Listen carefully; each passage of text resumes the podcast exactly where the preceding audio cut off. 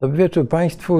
Bardzo się cieszymy, że Państwo są z nami. Dzisiaj gościem Wszechnicy jest e, pan Krzysztof Pomiński. Dobry wieczór. Dobry wieczór Panu. Pan Krzysztof Pomiński jest ambasadorem ad personam, czyli e, no, używa pan, e, może pan używać e, tak lekko rzecz biorąc ambasadora tak Kurtuazyjnie. kurtuazyjnie. Trochę, będę- trochę to brzmi tak, jak ambasador Tak, tak. tytularny, także Tak, w dobrym towarzystwie, bo są chociażby biskupi, arcybiskupi. tak, tak, dobrze. No w każdym razie e, pan jest, e, ja śledzę pana teksty o Bliskim Wschodzie na, w różnych miejscach i, i e, bardzo się dziękuję, że pan się zdecydował i zechciał nas swoją Ja dziękuję za zaproszenie. I pan, pan był ambasadorem w Iraku, Arabii Saudyjskim, ale też, e, rozumiem, był pan dyplomatą e, w Libii, Jordanii, rozumiem, na innych stanowiskach. Jest pan doradcą Krajowej Izby Gospodarczej, tak? Do, do spraw międzynarodowych. Tak, w tej również jestem członkiem Rady Ambasadorów Europejskiej Amba, e, Akademii Dyplomacji, tak, to wy też, wykładowcą tej uniwersyteckim na tak. Uniwersytecie Jagiellońskim, także sporo się tego wszystkiego zebrało. Tak, no tym bardziej się cieszymy, że jest Pan z nami. Proszę Pana, e, e, będziemy rozmawiali o tym e, regionie bardzo ważnym dla świata, a, no bo ostatnie wydarzenia nam to jeszcze, jeszcze raz pokazały, że w obecnych czasach jest to region ważny dla świata.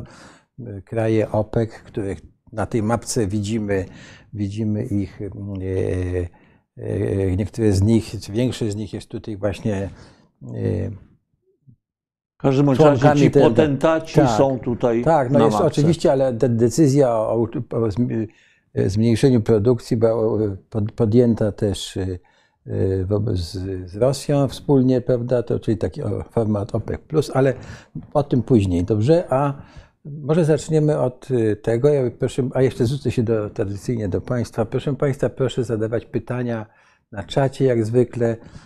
Y, Będziemy odpowiadać może po albo w trakcie, jak się dużo uzbiera, to przewiemy i, i, i będziemy odpowiadać na pytania, tak jak to jest w naszej fo- formule. Jeszcze raz Państwu dziękuję za obecność. E, Proszę Pana, e, no to może zacznijmy troszkę od historii tego regionu, dobrze? Bo z tego co ja wiem, znaczy, tak e, z różnych e, nie wiem, encyklopedii, tak, bo nie ośmielę się tutaj robić wykładu, no to hi- historia regionu jest otom, głównie Imperium Otomańskie, prawda? I potem już oddaję Panu głos. E, To znaczy, ten region ma bardzo dawną historię. E, Kilka dni temu świętowaliśmy tutaj w Polsce. Ja z tytułu mm, ambasadorowania w Arabii Saudyjskiej, ja byłem tam pierwszym ambasadorem, 90. rocznicę ustanowienia między Polską a Arabią Saudyjską relacji oficjalnych, stosunków dyplomatycznych tak naprawdę. 50 lat. Tak, e, to był Czyli tysiąc... Druga Rzeczpospolita. e, Tak, druga Rzeczypospolita dbała o kontakty, mimo że była państwem odrodzonym, świeżym na arenie międzynarodowym, dbała również o te kontakty w rejonach bardziej odległych. Afganistan była zaangażowana, były właśnie kontakty z Egiptem, z Iranem, no i również z Arabią Saudyjską, bo w 1932 roku, w maju, był w Warszawie mm, późniejszy król Arabii Saudyjskiej, a wtedy następca tronu i szef y, takiej rady doradczej swojego ojca króla, mianowicie król Faisal Abdelaziz. Zostały nawiązane pierwsze kontakty i pierwsze również y, biznesowe, konie, broń, różnego rodzaju y, współpraca, Znaczy która... polska broń dla Polska Arabii. dla Arabii Saudyjskiej oni kupowali. I z tej okazji ambasador Arabii Saudyjskiej wydawał właśnie taką publikację, magazyn dotyczący No, stosunków dwustronnych, gdzie właściwie no, jest swego rodzaju podsumowanie, bo te stosunki zostały odnowione w 1995 roku. Dopiero była tutaj ogromna przerwa. I ambasador mnie poprosił, mówi, brakuje nam do tego 90 kompletu. W 1995 roku, tak. Czyli to już po, e, Po po, po, po, po, wojnie, po, po tak. pierwszej wojnie, ale już tak? Po I wojnie światowej one nie były, były no, Tak. kontynuowane. Przerwała je druga wojna światowa, potem z y, PRL-em był pan Saudyjczycy nie 95, bo ta wojna w Zatoce to jest przecież przełom 90. 90, czyli nie mieliśmy stosunków dyplomatycznych w czasie wojny w Zatoce. Za, Nie mieliśmy stosunków dyplomatycznych, Znaczy, natomiast jakiś- mieliśmy braterstwo broni, ponieważ No również właśnie. na terenie Arabii Saudyjskiej stacjonowali nasi żołnierze, którzy uczestniczyli czy wspomagali operację wyzwolenia Kuwejtu. Ale wracając właśnie do historii, do podstawowego pytania, ambasador mówi, czy mógłbyś napisać, bo przecież y, ty znasz naszą historię, znasz historię regionu, e, taki artykuł, tylko musi być na jedną stronę. No, usiadłem i napisałem na jedną jest- stronę. tutaj jest, tak? Tutaj jest, ale co chciałem na, na początku, tam za, Mhm. jed, jeden, jeden z pierwszych, Jest wzajemny, wzajemny szacunek, tak? Jest, E, to. Co chciałem tu przy okazji podkreślić, że ten artykuł o historii zaczyna się 8 tysięcy lat temu. Mianowicie mm, jest to cały region, gdzie były najstarsze cywilizacje. Jeżeli popatrzymy na mapę i zobaczymy dzisiejszą zatokę nazywaną perską, Arabowie mówią na nią arabska, to 8 tysięcy lat temu ona nie istniała. Wtedy był zupełnie inny klimat. Półwysep Arabski nie był pustynny, tylko zielony. Była to sawanna z bogatą zwierzyną i rzeka, przedłużenie Tygrysu i Eufratu z jednej strony, z drugiej strony rzeki Karun, która płynie z Iranu. Ona w ostatnich latach wysycha, ale jeszcze jest y, aktywna. I ze strony Półwyspu Arabskiego wielka rzeka, która dzisiaj jest y, tylko koryto przez te 8 tysięcy lat, Wadi Batin, ona wyschła. I to wszystko płynęło aż jako rzeka, wielka rzeka do cieśniny Ormus, do Oceanu Indyjskiego, tworząc tam wspaniale, wręcz cieplarniane warunki dla rozwoju cywilizacji. No i delta. I tam, I tam właśnie gdzieś w pobliżu dzisiejszej granicy e, saudyjsko-kuwejskiej był ten raj, który znamy jako biblijny i który wszedł do religii, mm, do religii wszystkich objawionych. Co się stało? Mianowicie wraz z ociepleniem wówczas klimatu nastąpiło podniesienie poziomu Oceanu Indyjskiego i on się w pewnym momencie wlał w tą dolinę rzeczną, wypełniając ją morską wodą, słoną i zmuszając jednocześnie ludzi do migracji. Przede wszystkim w kierunku obecnego Iraku y, połud- y, południowego i to był ten prawdziwy eksodus, potop, potop, który potem w księgach sumeryjskich i y, w Biblii przetrwał do dzisiejszych czasów w naszej świadomości po prostu no, y, całego regionu. Na ile to było miejsce rzeczywiście błogosławione, można powiedzieć, to nawet do dzisiaj jeszcze w legendach y, w dalekiej Azji jest to teren, właśnie są legendy o krainie wschodu płynącej mlekiem i miodem.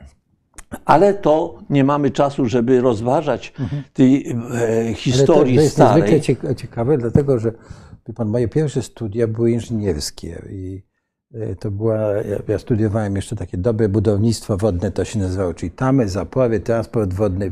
Pierwsze moje studia na projekcie ze świetnymi wykładowcami i no, mieliśmy historię właśnie tego budownictwa wodnego i te pierwsze konstrukcje jeszcze sumeryjskie, znaczy w tym regionie w ogóle e, e, przyczyny wys, wys, pustynnienia tego, wszystko to by- byśmy u tych starych profesorów, jeszcze część była z Politechniki Lwowskiej, jeszcze mnie, w życiu mnie, mnie to dotknęło, żeby go wykładali. To Bardzo wszystko- chciałbym wszystko- wiedzieć, czy nadal to wykładają. nie, Boję się, że nie. Nie, już w ogóle, to już nie te czasy są. Ale przepraszam, przerwałem, ale po prostu Nie. taki sentymentalny Tak, mam. jest to, jest, to, Tak. jest to poza tym już jak mówimy tutaj o retencji, to są też dwa piękne przykłady z tego regionu.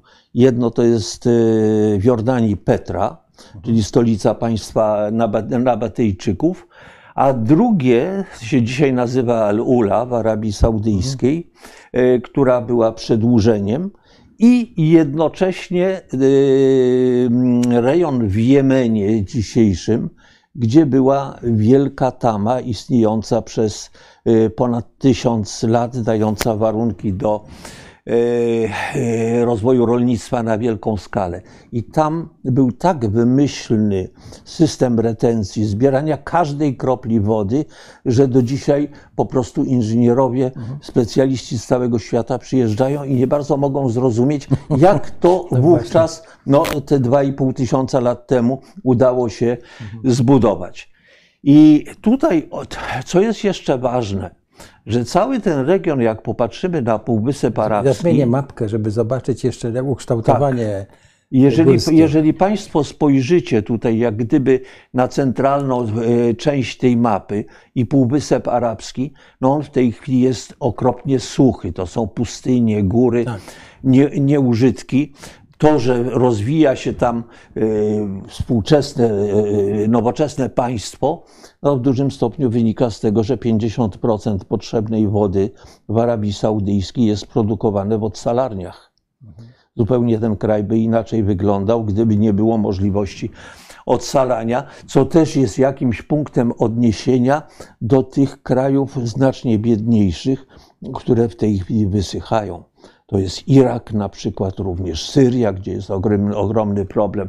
Wspomniana tutaj Jordania, ale również całe ogromne połacie e, Afryki w rejonie Sahelu, wzdłuż wybrzeża e, Morza Śródziemnego, tylko w głębi, w głębi już pustyni. I to No, też mamy zadecydowało. na mapie. Tak, ale to też ten proces wysychania zadecydował, że te warunki życia były tam po prostu przez całe tysiąclecia ciężkie, choć ludzie jakoś sobie dawali radę. Bo to również, o czym mało kto w Polsce e, wie, jest rejon, gdzie był pierwszy e, wielki szlak handlowy świata.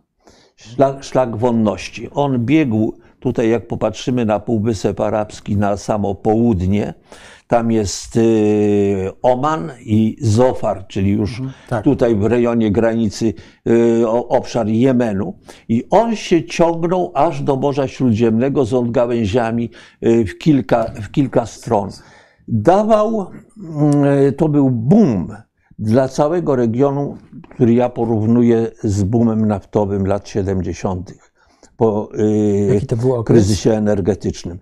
To było tysiąc lat szlak, który trwał do III-IV wieku naszej ery.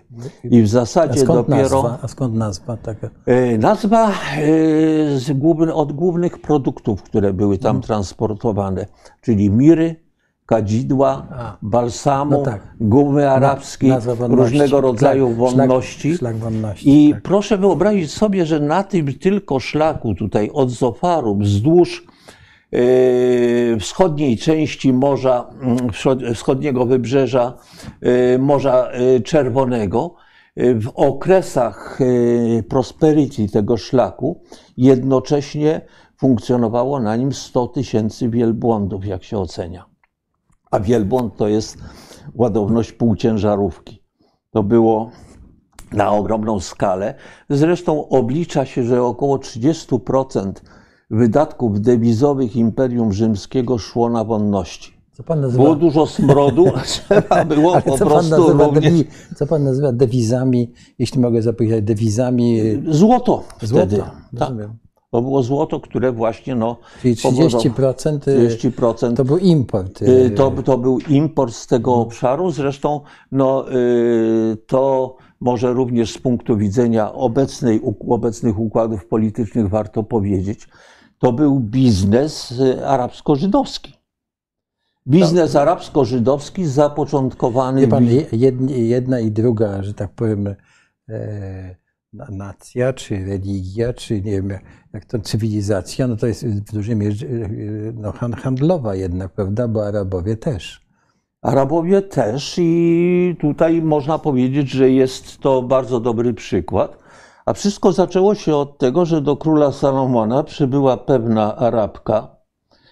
Yy, Tu powszechnie ją nazywamy królową Saby, ale jest to anachronizm, ponieważ królestwo Saby powstało yy, kilkaset lat po tej wizycie dopiero, a święte księgi były spisane później i ludzie musieli zrozumieć o co chodzi, w związku No, z z tym tym uproszczono. została uproszczona sytuacja, a kobieta miała na imię Belkis po arabsku, a choć miała również amharskie e, imię i parę jeszcze innych i była tak naprawdę e, przywódczynią, bo wtedy kobiety odgrywały całkiem sporą rolę Konfederacji e, Plemion Arabskich, które dysponowały wielbłądami. I potrzeba było po prostu spiąć szlak. Od tego po prostu się ten handel zaczął. No i miejmy nadzieję, że w którymś momencie również ten brzęk pieniądza, jak tutaj mówiliśmy, dewizy, a może i inne interesy takie konstruktywne, zadecydują o tym, że ten klimat współpracy między Arabami i Żydami powróci. Zresztą, no, myślę, że są w ostatnich latach dobre przykłady. To zaraz o tym, e, o tym powiemy, ale jeszcze chciałem Pana przy okazji zapytać, to są e, dzisiaj wsz- wszystko kraje e, islamskie, prawda? I może parę słów o tym, skąd tam się i kiedy się tam pojawił islam, bo To znaczy, kraje są islamskie, ale nie znaczy, że Zgodne. cała ludność e, wyznaje, to oczywiście. wyznaje islam. E, Historia jest następująca. E, Po pierwsze, na całym tym obszarze były bardzo stare religie. E, I babilońskie, i egipskie, i później i, i, i, i sumeryjskie, i żydowska. E, W tym również w dwóch przynajmniej przypadkach miały charakter jedynobóstwa. W Iraku czy w Mezopotamii, kiedy e, jeden z bogów Marduk został uznany za boga naczelnego, a inni po prostu pomniejszy, i w Egipcie była również za e, podobna, podobna rewolucja. Czyli te idee jedynobóstwa, one były bardzo silne w tym regionie. I w czasach już bardziej nam e, współczesnych, bardziej znanych, one weszły w tym regionie już jako przenoszone przez e, Żydów. E, Także tutaj judaizm odegrał bardzo dużą rolę, jeżeli chodzi o tą warstwę ideologiczną rozwoju, kulturowo-ideologiczną całego, całego obszaru. I społeczności żydowskie były rozproszone od czasów niewoli babilońskiej, ale również po prostu ze względu na to, że plemiona żydowskie żyły na, w różnych regionach Półwyspu Arabskiego, prawdopodobnie również na Półwyspie, na Półwyspie e, Synaj. I te nurty również religijne, one przenikały. Y, Nie chcę tutaj opowiadać o szczegółach, ale mogę powiedzieć, bo co jest istotne również dla powstania islamu, że w okresie przed islamem na terenie Półwyspu Arabskiego istniały zarówno y, państwa zarówno żydowskie, jak i chrześcijańskie już. Y, Te religie walczyły ze sobą. W dużym stopniu ta walka wyczerpała jednych i drugich i otworzyła drogę do tej nowej religii islamu, którą e, w VII wieku e, e, prorok Mohammed zaproponował i która z takim powodzeniem rozprzestrzeniła się po ogromnych terytoriach nie tylko Bliskiego Wschodu, ale również Afryki, docierając do Europy, do Azji, praktycznie rzecz biorąc, osiągając tą siłę. Także dzisiaj można powiedzieć, oczywiście poza Izraelem, że e, ten region to jest w zdecydowanej większości ludność muzułmańska. Z dużymi w niektórych krajach społecznościami chrześcijańskimi, w przypadku Egiptu na przykład są to Koptowie. Y, Mimo y, dramatycznej sytuacji w Syrii, chrześcijaństwo tam y, pozostało. Do dzisiaj w Maaluli czy w Sydnai, niedaleko Damaszku, można zobaczyć chrześcijan wysłuchać odmawiających modlitwy. Wspaniale to brzmi nadal w języku aramejskim, tym samym, którym e, mówił Chrystus. No, e, duża część populacji Libanu to są również chrześcijanie. W okresie, jak ja byłem ambasadorem e, w Bagdadzie, było wówczas 10% e, ludności kraju stanowili chrześcijanie. Także po prostu no, y, ta religia się rozpowszechniła, ale islam nie zmuszał do zmiany wiary.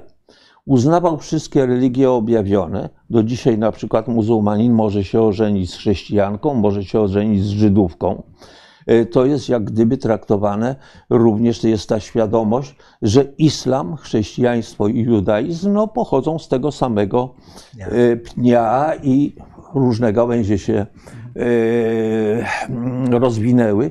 Natomiast ten pień pozostaje gdzieś tam umocowany bardzo głęboko w przeszłości, nawet w tej przeszłości jeszcze przedpotopowej. Dlatego mamy takie porozumienie Abrahama. Właśnie, o, już blisko tego tego- byliśmy, a do tego właśnie żeśmy Tak, udało się wrócić. Panie które- profesorze, to jest, e, przepraszam, pas- pasjonujące i e, wydaje mi, bo tak, e, no, e, mm, jakbym mógł jeszcze poprosić o taki jeszcze skrót, no bo potem się pojawiło w pewnym momencie Imperium Otomańskie, prawda?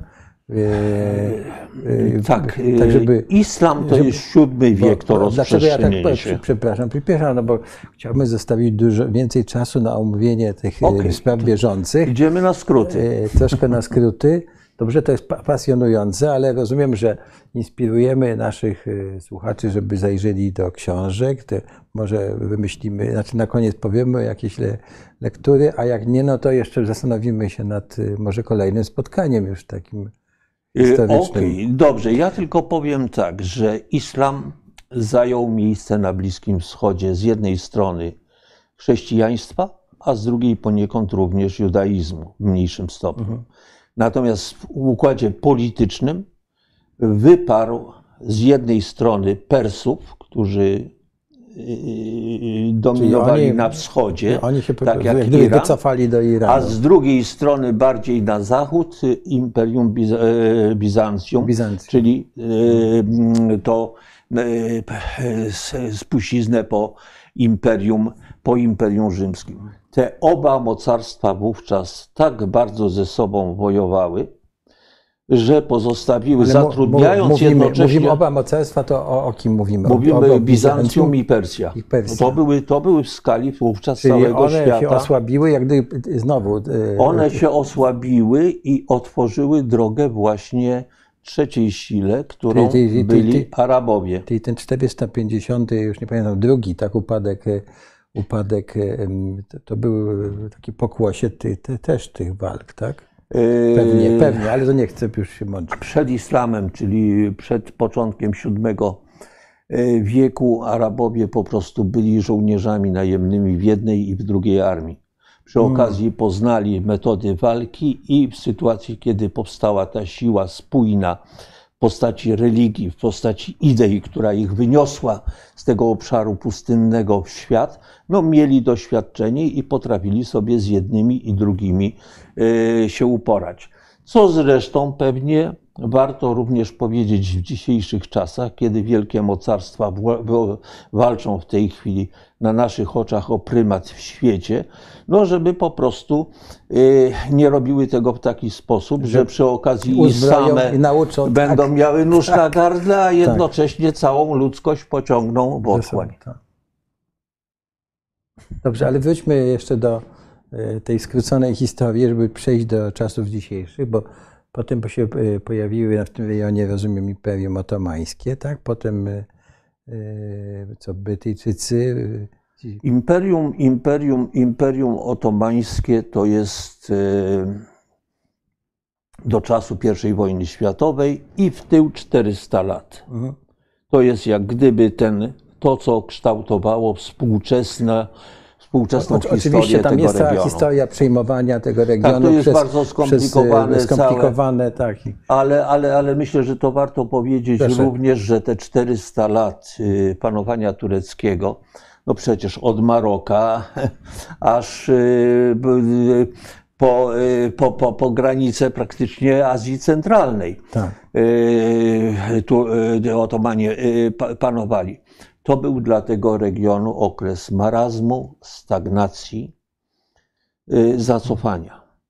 E, okres jeszcze wcześniejszy tego imperium już arabskiego, czy Omajadów, czy Abbasydów, e, czy innych dynastii, które tam były, no to jednocześnie był okres rozkwitu, wspaniałej kultury, przeniesienia również dorobku starożytności, Tak, dziedzinie filozofii, Nie zdajemy medycyny, sobie sprawy, nie zdajemy sobie matematyki. sprawy, ile ciara, tam ciara Wnieśli po prostu również do kultury europejskiej, do nauki europejskiej, medycyny e, ogromne. cyfry arabskie. Tak, e, cyfry wprawdzie są hinduskie, ale przeszły, Ale przyszły z do nas legendy, tak. poprzez, poprzez, poprzez Arabów, także e, tutaj, e, tutaj trzeba Bardzo dziękuję, to oddać nie jednym i sobie z tego drugim. sprawy, ale. Ale w każdym, w każdym razie był to genialny wynalazek, no, korzystamy z niego do dzisiaj. Natomiast z tego rodzaju wynalazków również w innych dziedzinach było tam bardzo dużo starożytność, to obfitowała, też nie zawsze potrafimy, potrafimy to docenić. Natomiast co trzeba powiedzieć? Imperium, a tych na Bliskim Wschodzie było wiele poczynając od imperium akadyjskiego Sargona Wielkiego, e, które było pierwszym tego rodzaju e, rozwiązaniem no, państwowym, tak czy inaczej. To jest, to jest imperium, daje wiele możliwości ludom i współżycia takiego pokojowego i rozwoju i tak dalej. Natomiast w momencie, jak imperium po długim okresie funkcjonowania rozpada się, to jest naprawdę katastrofa. I my to widzieliśmy na Bliskim Wschodzie, w momencie, kiedy rozpadało się Imperium Otomańskie. To w dużym stopniu również y, skutki katastrofalne przyniosło chociażby rozpad Imperium Sowieckiego, jakby na to nie patrzeć. On, zresztą ten proces jeszcze się przecież Oczy. toczy, nie, nie zakończył, jest daleki, o, daleki od zakończenia. I sta, tam przyniósł stagnację. Jednocześnie cały ten obszar wpływów obecności tureckiej, on został, y, został podzielony przez mocarstwa nowe, które wchodziły na Bliski Wschód, czyli Wielką Brytanię i Francję. Oba te kraje prowadziły z Turkami od wielu lat i wojny, i starały się wykorzystać swoje wpływy, między innymi, no, o czym warto też powiedzieć, e, co Bryty, na czym i Brytyjczykom, i Francuzom zależało, to jest droga była do Indii.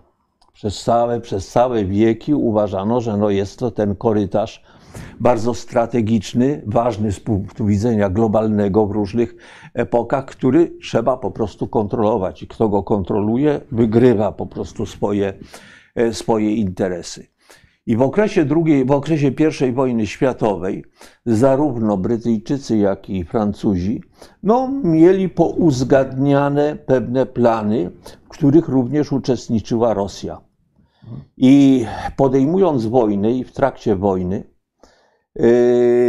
te trzy kraje yy, uzgodniły Francja, plany. Francja, Brytania, Wielka Brytania Brytania i Rosja i Rosja. carska uzgodniły podział całego tego regionu na swoje strefy wpływu. Z tego powstał dwustronny pakt Sykes-Picot po I wojnie światowej. Rosja została wyłączona tylko dlatego, że rewolucja bolszewicka zmieniła globalną sytuację. E, W związku z tym można powiedzieć, że część e, Iran, Irak, przede wszystkim ró- również, e, również Egipt znalazł się w, w, w strefie wpływów brytyjskich. Natomiast rejon Syrii, Libanu i dalej idąc na zachód, część północnej Afryki, już tutaj Algieria, Tunezja, Maroko, znalazły się w strefie wpływów francuskich. E, W jakimś stopniu, mimo podziału, mimo utraty swojej pozycji mocarstwowej, skorzystała na tym Turcja. Bo gdyby rzeczywiście te plany z udziałem Rosji, rozbioru Turcji zostały zrealizowane, to Turcja byłaby bardzo małym krajem. Cały rejon Kurdystanu, y, czyli y, tereny kurdyjskie w Turcji, Syrii, Iraku i w Iranie prawdopodobnie również byłyby tutaj włączone, byłyby, miały być włączone w rosyjską strefę wpływów. No i gdyby e, później rewolucja bolszewicka wybuchła, to pewnie byłaby tam kurdyjska republika socjalistyczna i dzisiaj niepodległe państwo, a nie rozbicie Kurdów na e, te państwa, w których w tej chwili żyją, bez jasnej perspektywy uzyskania niepodległości, No, o którą e, walczą. Rosja jeszcze się nie upomina o, ten, o to dziedzictwo, ale sądzę, jak patrzę o co się upomina, to być może któregoś. Rosja nigdy Ja nie straciła apetytu. Mhm. Rosja nigdy nie zapomniała, że ten y, Bliski Wschód to jest jej bezpośrednie zaplecze. Region bardzo ważny. Co więcej, Rosjanie dzisiaj zdają sobie sprawę, że upadek Związku Radzieckiego był w dużym stopniu spowodowany współdziałaniem ze strony państw Bliskiego Wschodu ze Stanami Zjednoczonymi. Dlaczego? Po pierwsze, y, kraje takie jak Arabia Saudyjska i większość regionu uczestniczyły w werbowaniu i szkoleniu i w mm, finansowaniu mujahidinów, którzy poszli walczyć w Afganistanie przeciwko Rosjanom. I zwyciężyli. Rosjanie musieli się stamtąd mówić. zabrać y, jednocześnie z ogromnymi stratami i konsekwencjami. I drugim czynnikiem, który z tamtego regionu przyszedł i który współdecydował o rozpadzie Związku Radzieckiego i całego, i całego imperium, zmianie globalnego układu sił i wyniku rezultatu zimnej wojny, to była decyzja saudyjska podjęta 25 listopada 1985 roku o odejściu od opekowskich limitów ropy naftowej. Co to spowodowało? Z dnia na dzień ogromny spadek cen ropy naftowej. To było na prośbę Stanów Zjednoczonych, czy na raczej prośbę w cudzysłowie, czy, czy zabiegu? Myślę, myślę, że tutaj, jeśli chodzi o technikalia tej decyzji, to em, uczeni będą specjaliści jeszcze mieli długo możliwość badania, bo większość materiałów tutaj jest tajna, tajna, niedostępna. Natomiast moim zdaniem nie ulega wątpliwości, że po prostu był to element realizacji szerszego sojuszu amerykańsko-saudyjskiego i również sojuszników innych z tego regionu. Między innymi dlatego, że ten proces właśnie y, y, finansowy, można powiedzieć, który spowodował spadek wpływów Związku Radzieckiego z eksportu surowców energetycznych o 50%. O matko. To y, również było po prostu no, katastrofalne. Trwał do czasu rozpadu Związku Radzieckiego. I Rosjanie dokładnie o tym wiedzą, zdają sobie sprawę.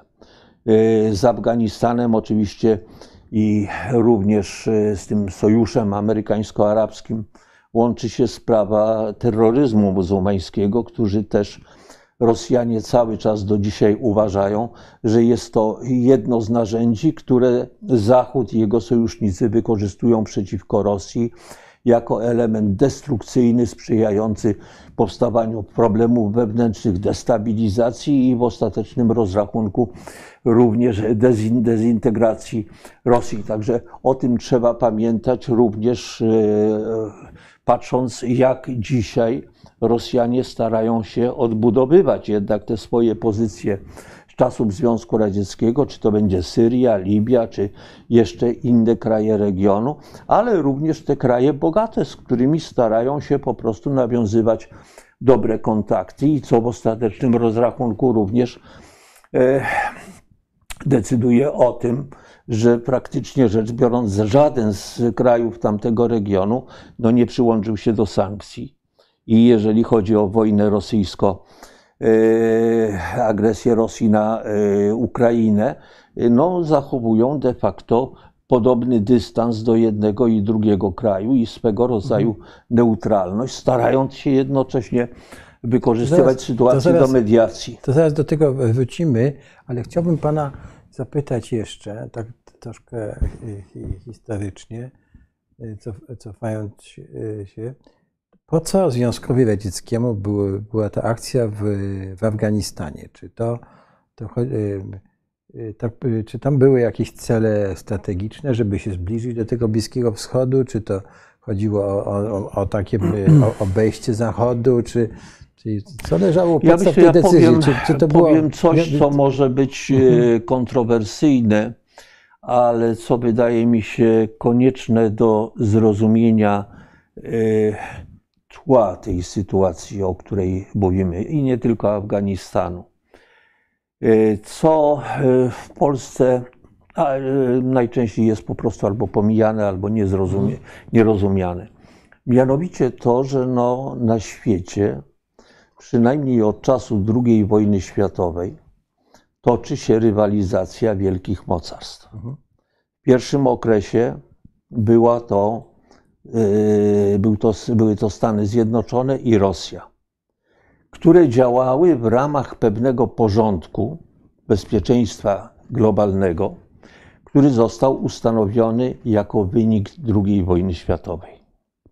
Natomiast rywalizacja nigdy nie została wykluczona. Zaczęła się zresztą bardzo szybko zimna wojna, której e, różnego rodzaju odpryski mamy Korei, wojnie koreańskiej, Wietnam, Afganistan właśnie, również Irak, walka z terroryzmem, Libia.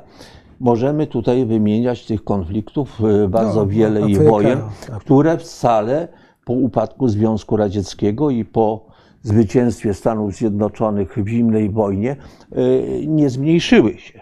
Można nawet powiedzieć, że one, że one się zaostrzyły. Związek Radziecki wiele e, i Rosja również błędnych decyzji podjęły. Natomiast wynika to przede wszystkim Afganistan z mocarstwowego myślenia o wielkoruskiej sile i z przekonania, że jeżeli oni nie wejdą czy nie umocnią swoich wpływów w bezpośrednim sąsiedztwie, to zrobią to Stany Zjednoczone i będzie to miało przykre konsekwencje dla ich bezpieczeństwa i w ogóle szerszych interesów. Także myślę, że raz y, uważali, że jest zagrożenie y, tutaj, no a po drugie, tak jak w przypadku Ukrainy, nie ocenili właściwie swoich sił, warunków, jakie w tym Afganistanie zastaną. No i jednocześnie tak y, spontanicznej i szerokiej, szerokiego sprzeciwu ze strony właśnie dużej części świata, mo- możliwości zmobilizowania przez Zachód bojowników islamskich, którzy rzeczywiście doprowadzili do klęski Związku Radzieckiego. Ale w stosunkach międzynarodowych no, nic y, nie jest y, zamknięte w pudełku.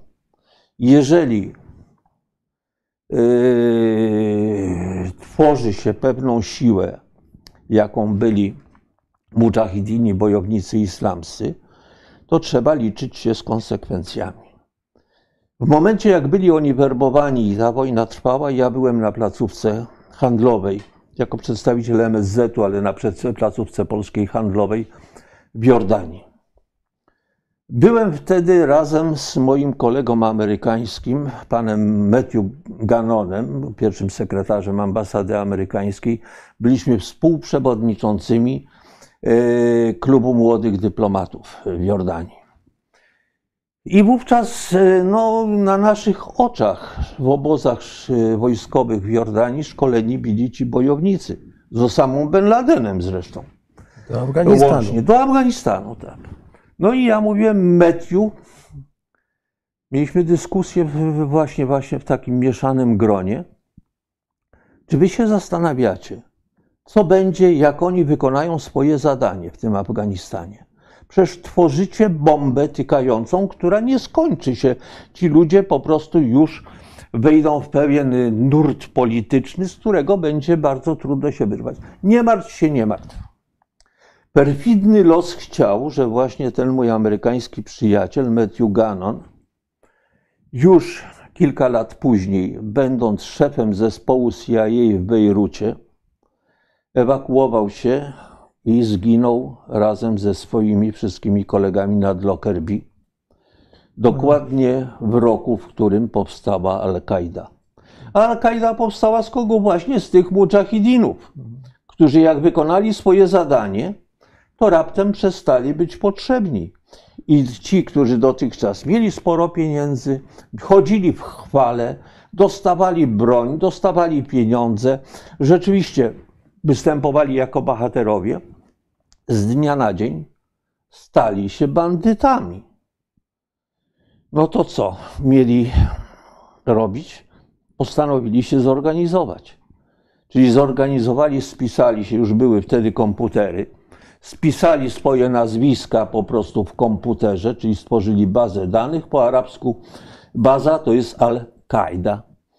No i jesteśmy na miejscu. I stworzyli robactwo, które rozpełzło się na całym świecie. Ja osobiście uważam, że wojna z terroryzmem prowadzona była przez Zachód tak, żeby no, polować, ale nie całej zwierzyny nie wymordować.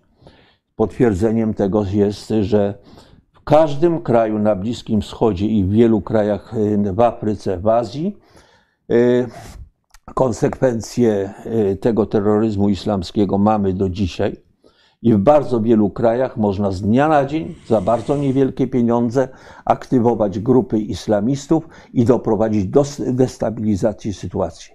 Jeszcze nie raz będziemy mieli z tym do czynienia, niestety. No to są takie, można powiedzieć, psy wojny, prawda, które się uruchamia też w pewnym sensie, tak? Oczywiście. Ja myślę, że tak, natomiast y, pytanie pozostaje pewnie otwarte, bo nikt y, z obserwatorów nie jest w stanie na nie odpowiedzieć czy te wywiady, które y, służby specjalne różnych państw, które rekrutowały tych bojowników, to później z nich zrezygnowały całkowicie. No, to, nie, może można to powiedzieć, że nie. No że, właśnie. Że Tutaj jeszcze jest zostały... jedna sprawa ważna z punktu widzenia Polski, bo gdyby nie splot tych wydarzeń, za którymi oczywiście stoją Stany Zjednoczone, ale również właśnie takie kraje jak chociażby Arabia Saudyjska, no to naszej odnowionej niepodległości i suwerenności w 1989 roku by nie było. My jesteśmy zdumni w Polsce z naszych osiągnięć, z tego, z, naszy, z, naszy, z naszej walki o zmiany, solidarności, tak. ale jednocześnie po prostu czasami potrzebna jest refleksja, że jest to po prostu też Czyli e, podział pewien zasług powinien nie, nie być tylko robiony. Go, nie tylko jak Gorbaczow miał na to wpływ, tak, ale przede wszystkim te tak, ci, stworzone ta, zostały pewne tak. warunki, które ułatwiły ten Czyli ta, proces. Ta decyzja między innymi Arabii, Arabii Saudyjskiej król, odejść króla, od limitów. Króla Faisala, tak? Yy, to było 85 Piąty? rok, to chyba był jeszcze król, król Faisal, ale głowy nie dam. Yy, na chwilkę do regionu, no bo yy, tam był szlak handlowy wonny tak? Szlak wolności. Tak. Wolności, szlak wolności. No ale e, jest w tej chwili, został przekopany, prawda, kanał Suezki. Kolejny tak? raz, bo w starożytności już raz był przekopany. Był przekopany w starożytności. Dobrze. Był, no i tam się pojawił ten, e, jakie to było, czy to e, miało jakieś znaczenie, zmieniło zna, oczywiście znaczenie tego regionu do dzisiaj jak się tam zablokuje jakiś kontenerowiec, od razu to my dostajemy zadyszki ale, ale... Miało to ogromne i ma znaczenie kanał Suezki. Oczywiście e, sporo się zmieniło, bo z jednej strony e, no, wielkie masowce, również zbiornikowce, e, mogą opływać Afrykę i ani czas nie jest tutaj jakoś tak. Czy to chodziło, w tym projekcie chodziło o drogę do Indii też? Bo tak, to... tak, tak, tak, tak, o drogę, o drogę do Indii. No, a przy... No bo pomysł był francuski, jak rozumiem. Pomysł ale... był francuski, on był, on był pomysł i francuski, ale sami Egipcjanie, oni pamiętali, że jeszcze za czasów faraonów tam były te mhm. instalacje właśnie robione i że do tego warto wrócić również, no ale nie bardzo wtedy kojarzyli że mm, mocarstwa europejskie, przede wszystkim Francja, będą prowadziły taką politykę, żeby doprowadzić do bankructwa Egiptu, które rzeczywiście nastąpiło w związku z kredytami, jakie były e, udzielane tam e, na paskarskich warunkach rzeczywiście.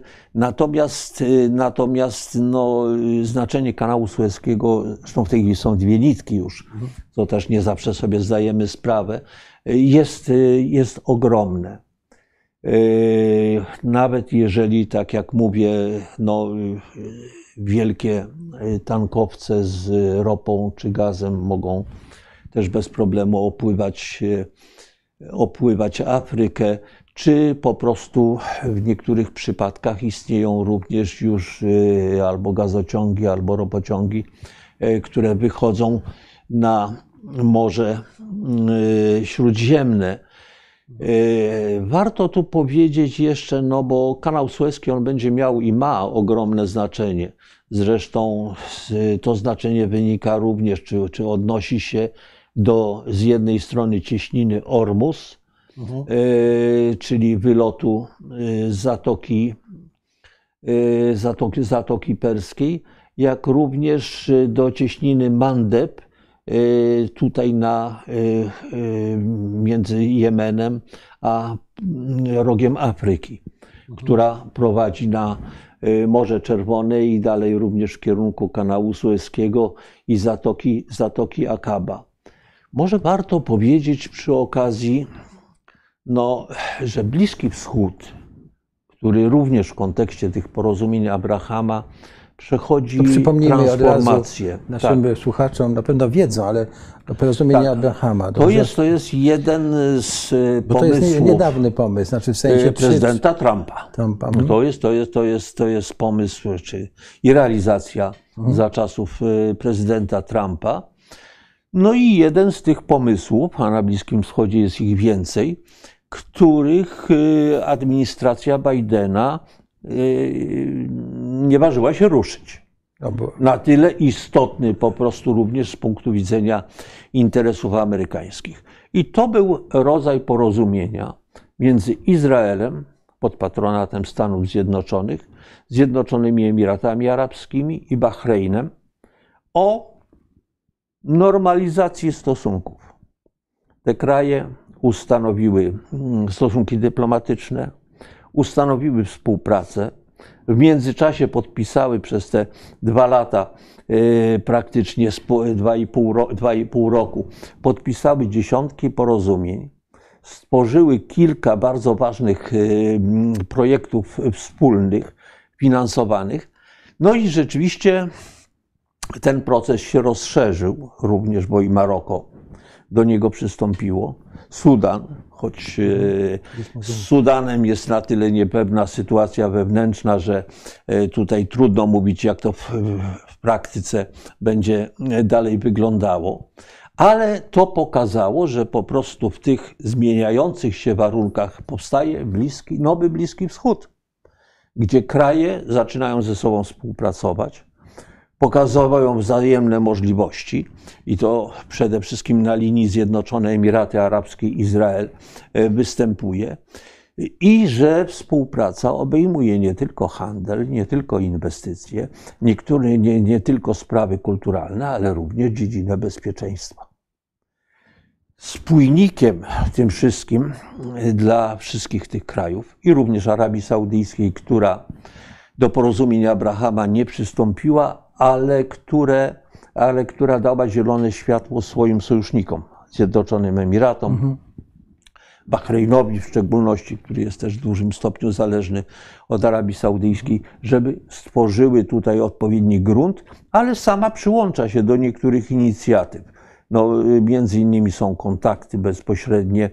One są może nie nagłaśniane, ale bardzo silne między Izraelem a e, Saudyjczykami. Y, oba kraje uczestniczyły w y, przeciągu ostatnich dwóch lat w manewrach morskich. Y, Saudyjczycy otworzyli częściowo swoją przestrzeń powietrzną dla samolotów. Wspólnych manewrach. Ameryka, Ameryka, organizowane przez Stany Zjednoczone z udziałem okrętów wojennych również Izraela i Arabii Saudyjskiej. Także tutaj, tutaj ten proces jest bardzo ważny i również myślę, że znowu on jest niedoceniany w Polsce. My już prawie trzy lata temu zorganizowaliśmy w Warszawie tak zwaną konferencję bliskowschodnią, która, no, nie ma się co oszukiwać. Ona miała właśnie spowodować taki efekt, żeby kraje konserwatywne arabskie, przede wszystkim Półwyspu Arabskiego, znalazły ten bardziej sformalizowany wspólny język z Izraelem. I właściwie nie zrobiliśmy żadnego follow-upu po tym. I w momencie, kiedy porozumienia Abrahama zostały podpisane, nie tylko, zaczęły się wspaniale y, rozwijać, y, no my w zasadzie patrzymy na to i mm, nie widać, żeby tutaj jakieś było działanie. Myślę, że w wielu przypadkach no, mamy możliwość, żeby tworzyć czy uczestniczyć w trójstronnych czy wielostronnych projektach, które są w ramach y, tego E, tych porozumień realizowane, a one mają wspaniałe finansowanie.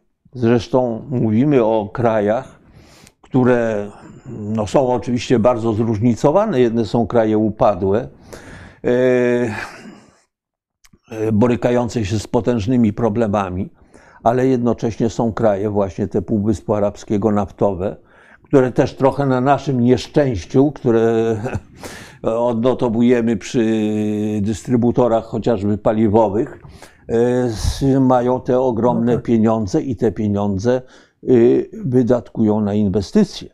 No, jakimś odpryskiem tego jest y, saudyjska inwestycja Aramco w, w rafinerię gdańską, ale mm, no my dotychczas nie bardzo korzystamy z tych właśnie możliwości, no, które są.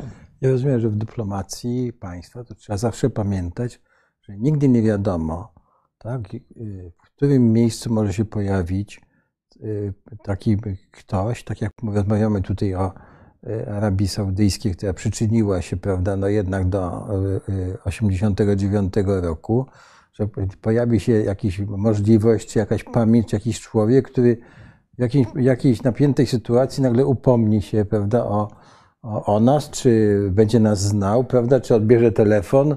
No, że będziemy mogli tak, realizować tak, tak, swoje więc, interesy. Tak, no, to, jest, to po prostu w dyplomacji takiego kraju, który jest tak położony jak Polska, to trzeba dbać o każdy, że tak powiem, szczegół, zwłaszcza w takim ważnym rejonie. To wiele no, razy tutaj o, o, w tych rozmowach to mówiliśmy. Oczywiście, no tym, tym bardziej, że e, no, są, są konkrety.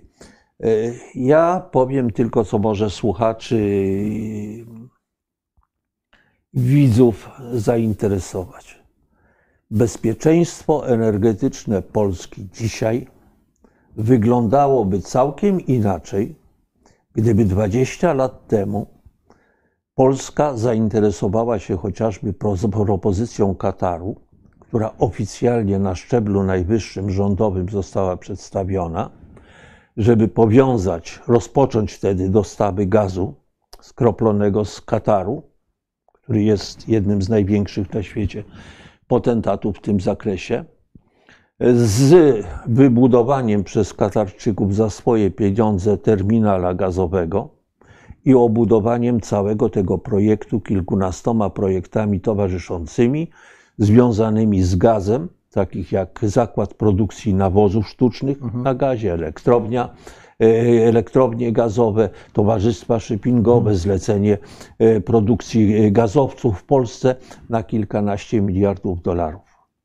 My później, wiele lat później, kiedy warunki były już zupełnie inne, poszliśmy trochę po rozum do głowy i sami wybudowaliśmy terminal.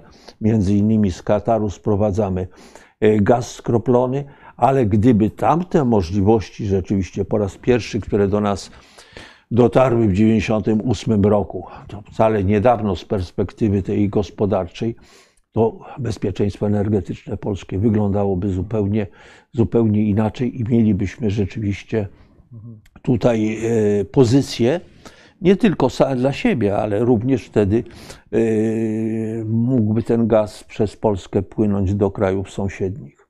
Także tutaj, tutaj to, co również dla osób interesujących się stosunkami międzynarodowymi warto powiedzieć, że zaniechania albo złe decyzje podejmowane w jednym czasie, one po prostu mają swoje konsekwencje na dziesięciolecia niejednokrotnie. Niejednokrotnie. Panie ambasadorze, bo mamy już niemal godzinę za sobą, prawie. Wow! I... Kto wytrzymał tyle czasu z nami? Ale ciągle jeszcze, e, nie e, porozmawialiśmy o, e, współcze- o tym dniu dzisiejszym, ale zanim to zrobimy, to chciałbym Pana zapytać jeszcze o dwie rzeczy. O 56 rok na Bliskim Wschodzie, żebyśmy przypomnieli, e, o co chodziło w tym konflikcie. Dobrze, bo to rozumiem, że to jest ważna da- data, prawda? To, e, próba, To tak? I, e, e, i, i, dru- tak. I drugie jeszcze, y, no też w skrócie, bo y, powstanie państwa Izrael, prawda? No bo też to był w pewnym sensie szok dla tego regionu, prawda? Czy, czy Tak, No i- no i mamy jeżeli do- chodzi o kanał Suezki, to tyle jest y, o 56 rok, o tyle jest sprawa prostsza, że w zasadzie no, y, mamy jasność, jeśli chodzi o aktorów i o przyczyny. Y, Chodziło, już żeby pójść też na pewne skróty, o decyzję Egiptu w sprawie nacjonalizacji kanału mhm. która spowodowała no, neokolonialne reakcje w Londynie Odruch, i tak, w Paryżu. tak, Również y, Tel Awiw się do tego dołączył, no i zaczęła się po prostu wojna, której główną moim przekonaniu konsekwencją było wejście na arenę już tak jest sprecyzowane w całym regionie nowego gracza, czyli Stanów Zjednoczonych. Bo to, że Związek Radziecki tam się upominał, nie wiem, można było e, e, e, o, o, oczekiwać jakiegoś, jakiegoś działania, groźby były, no odrębna sprawa, to miało miejsce, po prostu skończyło się stosunkowo, stosunkowo szybko. Natomiast jeśli chodzi o odpowiedź w sprawie Izraela, no to jest zresztą tutaj u Pana było wielu specjalistów również, między innymi ambasador Kozłowski, były ambasador w Izraelu, te sprawy były omawiane. Ja mogę powiedzieć tak, przez długi okres czasu e, Żydzi żyli w rozproszeniu. No de facto to jest rozproszenie jeszcze z okresu e, rzymskiego. Żyli również w krajach arabskich, muzułmańskich. Byli akceptowani. Tam nie było jakichś wielkich pogromów, były różnego rodzaju konfliktowe sytuacje, ale wrośli w dużym stopniu społeczeństwa i zajmowali w niektórych krajach y, te społeczności żydowskie, odgrywały dużą rolę. Jak ja na przykład w Bagdadzie y, kiedyś y, dostałem do ręki książkę telefoniczną Bagdadu z 37 czy 6 roku i popatrzyłem, po arabsku pisana, y, no ale nazwiska widać, y, które są, to gdzieś 80% lekarzy byli Żydzi. 70% y, prawników. Znaczy żydowskie nazwiska. Żydzi. tak. Także to były, to były społeczności, również jeżeli chodzi o rzemieślników, no wspaniałe wyroby, na przykład jubilerskie, ze, ze srebra przede wszystkim. To były te grupy i bardzo bogatych ludzi. I to w całym regionie. Ta sytuacja wyglądała, wyglądała podobnie. I oczywiście gdzieś tam w Koranie jest dużo różnych takich elementów też y, no, mogących powodować nienawiść do Żydów. Natomiast w praktyce i to było w miarę pokojowe współistnienie na całym tym obszarze. No ale nikt nie myślał, że ktokolwiek tutaj będzie myślał o państwie żydowskim, tym bardziej, że mówimy znowu o okresie, czy może należy wspomnieć o okresie, że to było panowanie y, Turków otomańskich, które obejmowało również y, Palestynę.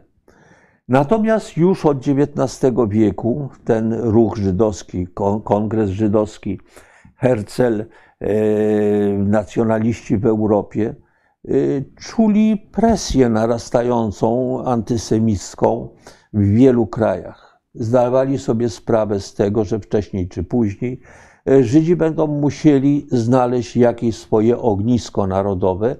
No i najbardziej naturalnym była Palestyna. I tu znaleźli akceptację przede wszystkim e, no, Brytyjczyków, ale również, również wielu innych mocarstw ówczesnych. I rozpoczął się ruch stopniowy przygotowania tej alii, która no, do y, Palestyny kierowała ludzi już wcześniej, kolonistów. Y, Holokaust zmienił praktycznie rzecz biorąc wszystko. To był wielki szok, który z jednej strony no, y, umocnił te dążenia żydowskie do aspiracji do posiadania y, własnego państwa, a z drugiej strony spowodował ogromną sympatię i poparcie dla tych aspiracji ze strony państw, które też, no, nie ma się oszukiwać, cała Europa była w dużym stopniu odpowiedzialna za to, co się stało, ponieważ y, te tendencje antysemickie, one wszędzie. były wszędzie obecne, tak. prawda, no, od Portugalii. E, ja w swojej książce wspominam, że e, tak, e, wspominam, tak, że Żydzi wyrzuceni z Portugalii, niektórzy się schronili na wybrzeżu indyjskim, gdzie powstały kolonie i współpracowali razem z Arabami. No i Portugalczycy ich tam też dopadli, jak zaczął się już ten okres kolonialny, tak zwanych wielkich odkryć, który nie był niczym innym niż po prostu y, zdominowaniem ogromnych obszarów już poza y, tutaj y, terenem, terenem europejskim. No i powstał 48 rok. Powstanie Izraela, decyzja Rady Bezpieczeństwa o podziale Palestyny, która przez Palestyńczyków nie została uznana, no i jednocześnie ten okres konfliktu, który się ciągnie przecież do dzisiaj, bo jeszcze niektóre państwa y, arabskie formalnie pozostają w stanie wojny z Izraelem, choć wiele się zmienia. Taki Liban na przykład jest formalnie w stanie wojny z Izraelem, natomiast w tej chwili prawdopodobnie na dniach zostanie podpisane porozumienie wynegocjowane też przy pomocy administracji Bidena o podziale wód terytorialnych, na których między Izraelem a Libanem, gdzie znajdują się potężne złoża gazu, ważne również dla Europy także. No ale przede wszystkim tutaj, bo Izrael już eksploatuje, a Liban będzie mógł również polepszyć swoją dramatyczną w tej chwili sytuację finansową i gospodarczą, podejmując właśnie eksploatację, eksploatację tego, tego gazu. Sytuacja się zmienia, żeby znowu zrobić z, duży, z długiej historii możliwie e, krótką. Izrael wrasta w bliski, bliski Wschód. Tak jak jeżdżę dość często do Izraela, to również widzę, że staje się coraz bardziej bliskowschodnim krajem, wrośniętym. Nawet jeżeli uwzględnić, że no, tak jak kiedyś można było w Tel Awiwie język polski dość powszechnie usłyszeć, no to teraz wszędzie język rosyjski dominuje, co ma również wpływ na, e, na politykę Izraela. Ale tutaj ten proces wzrastania następuje. Możliwości są zresztą ogromne. Przy izraelskiej technologii, przy możliwościach gospodarczych i organizacyjnych i przy arabskich pieniądzach można zrobić naprawdę bardzo wiele, zmienić gruntownie ten region. Problem jest tak naprawdę w tej chwili tylko jeden znalezienie jakiegoś rozwiązania dla Palestyńczyków. Ale wciąż do tego potrzebny jest bolesny dla obu stron kompromis, do którego warunki nie zostały jeszcze stworzone. Dobrze. Ale e, mówi Pan o tym, że możemy jeszcze poprosić mapę, e, Krzysiu? E, no, no, bo tak, wszystkie te, te państwa, jednak ten, ten region, który ma, może moim zdaniem e, e, chyba jesteśmy świadkami od, od troszkę odkrywania swojego znaczenia i takiej budowania niezależności, czyli mm, nie wiem, czy Pan się ze mną zgodzi, ja nie chcę się mądrzyć, bo to jest Pana show, nie mój, ale ja jak czytam... Na Bliskim Wschodzie era proroków skończyła się dość dawno. Ja wiem, ale, ale chodzi mi o to, że ten region jest rozdarty różnymi konfliktami, tak? I była wojna Iraku z, z Iranem, prawda? I są e, różne odłamy islamu, jeśli mogę nazwać to odłamami, prawda? I szyici, i, i sunnici, prawda? I y, mamy konflikt między Arabią Saudyjską a Iranem. W dalszym ciągu Turcja odgrywa jakąś rolę, prawda, e, w, w tych konfliktach. To jak, e, no, e, nie wiem, tak ABC mówiąc, czy możemy tak jeszcze określić te różnice między w tym, czy konflikty w tym rejonie, patrząc na mapę, tak? No bo jeszcze mamy przecież te konflikty prawda, w Jemenie, prawda, ma instalacje saudyjskie są atakowane przez drony, o ile dobrze pamiętam, prawda? No teraz rozejm jest. Rozejm, tak. I y, po 1956 roku pojawiły się tam Stany Zjednoczone, jak pan ambasador y, powiedział, tak? No i w, znaczy Stany Zjednoczone po 1956 roku utrwaliły swoją pozycję głównego gracza i mhm. głównego rozgrywającego. Natomiast no, początek mm, wypierania mocarstw europejskich z tego regionu i zastępowania ich e, przez Amerykanów, to jest e, wraz z końcem II wojny światowej. I tutaj taką cezurą jest 1945 e, rok. To jest prezydent Roosevelt, wracając z Jałty, gdzie trochę pokupczył naszymi interesami, pojechał na wielkie jeziora gorzkie mhm. W Egipcie spotkać się z królem Arabii Saudyjskiej Abdelazizem. I to był dzień walentynek 1945 roku. Niektórzy mówią, że dlatego ten miłość saudyjsko-amerykańska była tak głęboka i e, trwała, że związana z świętym tak, Walentym. Tak. Walentym. Y, co y, to dało? To był początek sojuszu, który oczywiście y, można tutaj dyskutować, na ile to jest wszystko tak na 100% uproszczone, nie uproszczone, ale to był sojusz ropa za bezpieczeństwo. Amerykanie dali Saudyjczykom parasol bezpieczeństwa, jednocześnie machając ręką na porządki wewnętrzne co doprowadziło do tego, że ten kraj nie podejmował reform tak bardzo długo, dopiero w ostatnim okresie. Natomiast Amerykanie mieli nieprawdopodobną e, wygodę, tutaj e, zysk w postaci e, tak naprawdę partnera lojalnego w sprawach naftowych, co powodowało wpływ na ceny ropy naftowej, możliwość grania nimi, łącznie z kryzysem energetycznym 73 roku. po prostu, obiegu tak, tutaj, tutaj y, to również i do dzisiaj w dużym stopniu decyduje o pozycji dolara jako waluty światowej, o inwestycjach saudyjskich w Stanach Zjednoczonych i na Zachodzie o również pewnym zrównoważonym podejściu i stabilizującym Arabii Saudyjskiej na Bliskim Wschodzie w stosunku do Izraela. To jest bardzo ważne. No i bardzo dobrych dwustronnych relacjach również gospodarczych.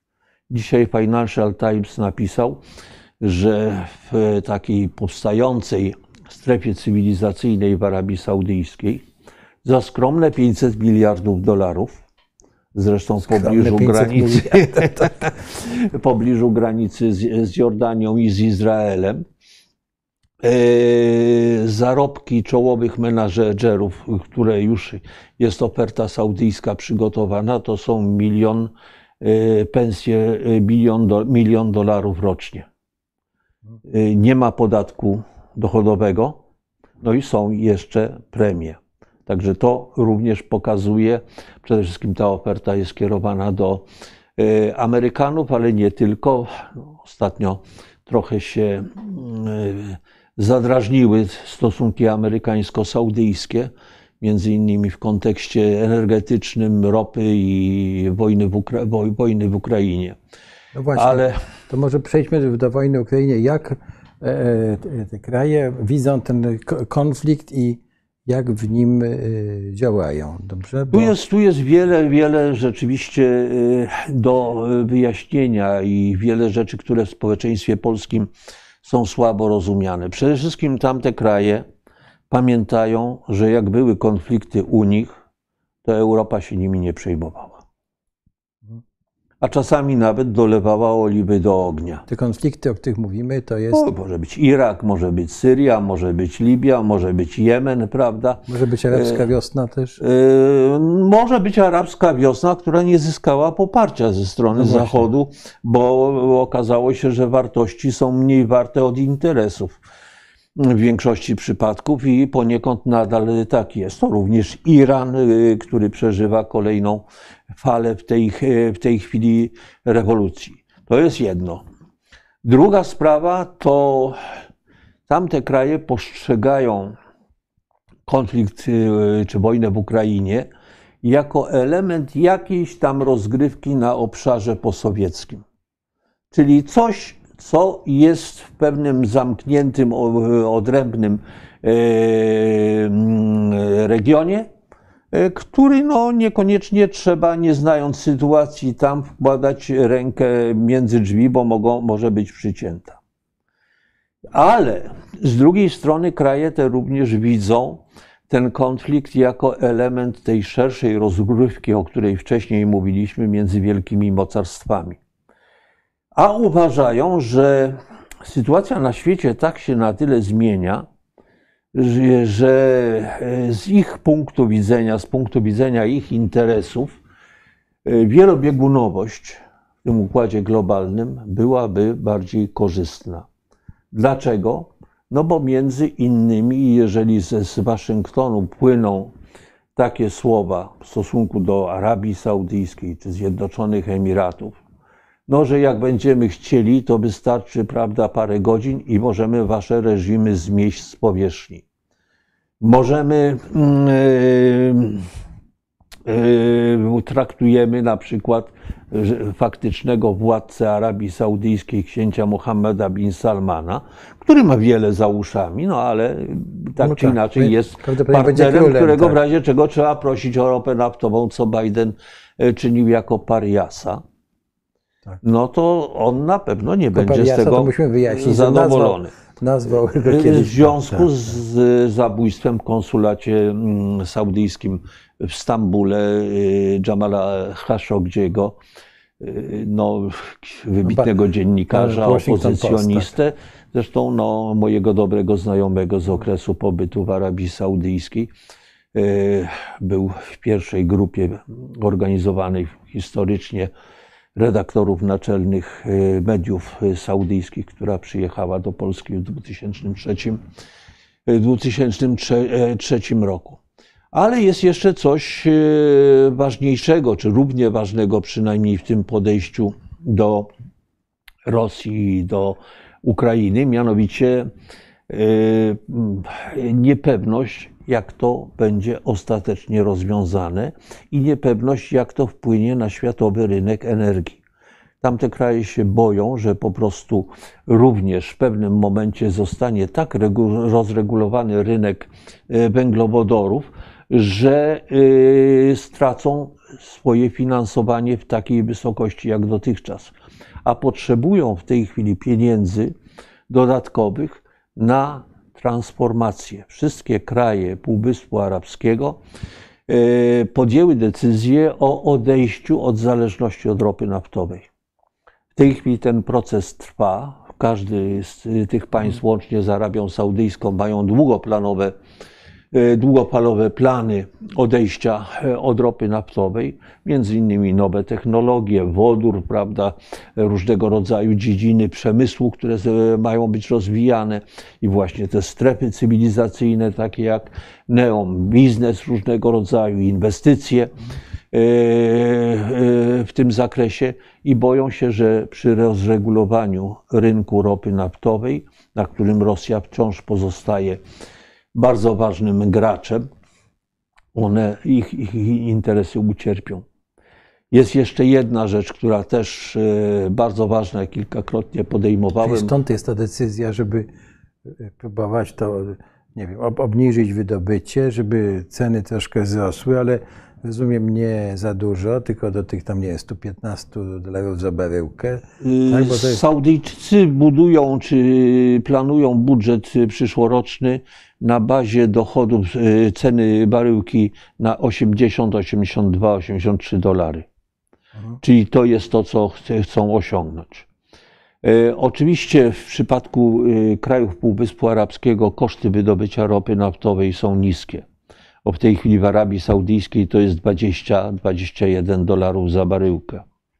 W Rosji, i to też warto powiedzieć, to jest 44-45. Złoża są głębokie, E, Rosja nie może przerwać wydobycia. Głębokie, dalekie, trudne, trudne warunki są eksploatacji, bardzo wysokie koszty inwestycji. Natomiast na Półwyspie Arabskim to jest wszystko, wszystko wygląda inaczej. Rosja zresztą, i to też no, nie zawsze w Polsce zwraca się na to uwagę, będąc w tej chwili odcięta w dużym stopniu od y, eksportu do Europy y, czy na zachód, y, sprzedaje do Indii czy Chin ropę naftową, dając redukcję y, rzędu 35 dolarów na baryłce jeszcze dodatkowo.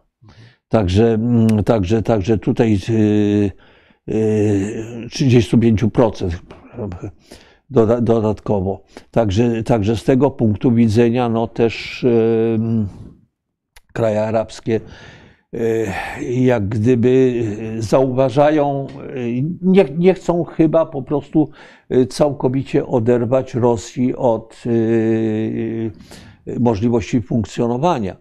Zresztą e, też nie zawsze sobie w Polsce zdajemy sprawę z tego, że jednak część e, ropy i gazu idzie nadal z Rosji na zachód. No a y, Rosja jest również w zasadzie jedynym krajem, który zaopatruje prawie cały świat w paliwo do e, e, elektrowni atomowych. I znowu mm, nikt nie myśli o embargu, bo po prostu no, Przestaną też funkcjonować. przestałyby funkcjonować, a w tej chwili i tak y, szykuje się, no, jest zagrożenie recesją, jest zagrożenie y, bardzo dramatyczną sytuacją, pogorszeniem sytuacji gospodarczej. No i tak naprawdę przecież jeszcze nikt nie wie, jak się dalej wojna rozwinie, jakie mogą być y, zagrożenia. Oczywiście y, w moim przekonaniu Europa bardzo wiele również zaniedbań zrobiła, Unia Europejska, bo te starania w tej chwili o pozyskanie rynków y, dostawców nowych z Bliskiego Wschodu dla dywersyfikacji dostaw, one są bardzo spóźnione. Trzeba było to robić po prostu znacznie wcześniej, co ja również wielokrotnie i pisałem i mówiłem w różnych gronach, y, również europejskich. Ale znowu nie może być takiej sytuacji, że z jednej zależności od Rosji przejdziemy do zależności od y, bliskowschodnich surowców energetycznych. Tym bardziej, że tak jak tutaj patrzyliśmy na mapę i Pan mówił o tych drogach transportu, no one też nie są bezpieczne. No tak. Jakby na przykład doszło, no cały czas jest na przykład konflikt wokół Iranu. Nie wiadomo też, jak on się, jak on się rozwinie. Gdyby doszło do aktów sabotażu, y, zablokowania y, na przykład cieśniny Ormus albo y, wznowienia ataków rebeliantów jemeńskich przeciwko saudyjskim czy emirackim instalacjom naf- naf- naftowym, no to wtedy cena baryłki ropy, nie wiem, no będzie wybije. 200 czy 250 do, dolarów. Także też musimy to brać pod uwagę. I ostatnia sprawa jeszcze związana właśnie z tym e, odbiorem e, Rosji. No, Rosja zadbała na przestrzeni wielu lat o to, żeby stworzyć wokół siebie pozytywny mit. My nie jesteśmy państwem kolonialnym, my nie chcemy was eksploatować, nas nie obchodzi, jakie są wasze wewnętrzne porządki, czy tam łamiecie, czy nie łamiecie prawa człowieka. Wiecie najlepiej, jak powinniście postępować w obecnych warunkach, i to się przekłada na media również. Na pewno No, ja znam język arabski i słucham, zresztą nie tylko słucham, bo bardzo często jestem zapraszany do różnych telewizji, od saudyjskiej i emirackiej po izraelską, do komentowania konsekwencji wojny w Ukrainie dla Bliskiego Wschodu. No i wiem, jakie są tam również yy, yy, gotowości słuchania tej narracji rosyjskiej, czasami no, bardzo kłamliwej oczywiście, ale sprzedawanej w takiej formie, że bardzo wielu ludzi niezorientowanych w sytuacji potrafi się no, przyjąć to za dobrą monetę. Możemy kontynuować jeszcze? Tak, oczywiście jest do dobrze, dyspozycji. Dobrze. Wspomniał Pan tutaj właśnie o, ty, o konsekwencjach e, e, tej agresji rosyjskiej na Ukrainę dla Bliskiego Wschodu. To e, powiedzmy coś, jeśli mogę Pana prosić o ten komentarz. Jak to, no, rozumiem, że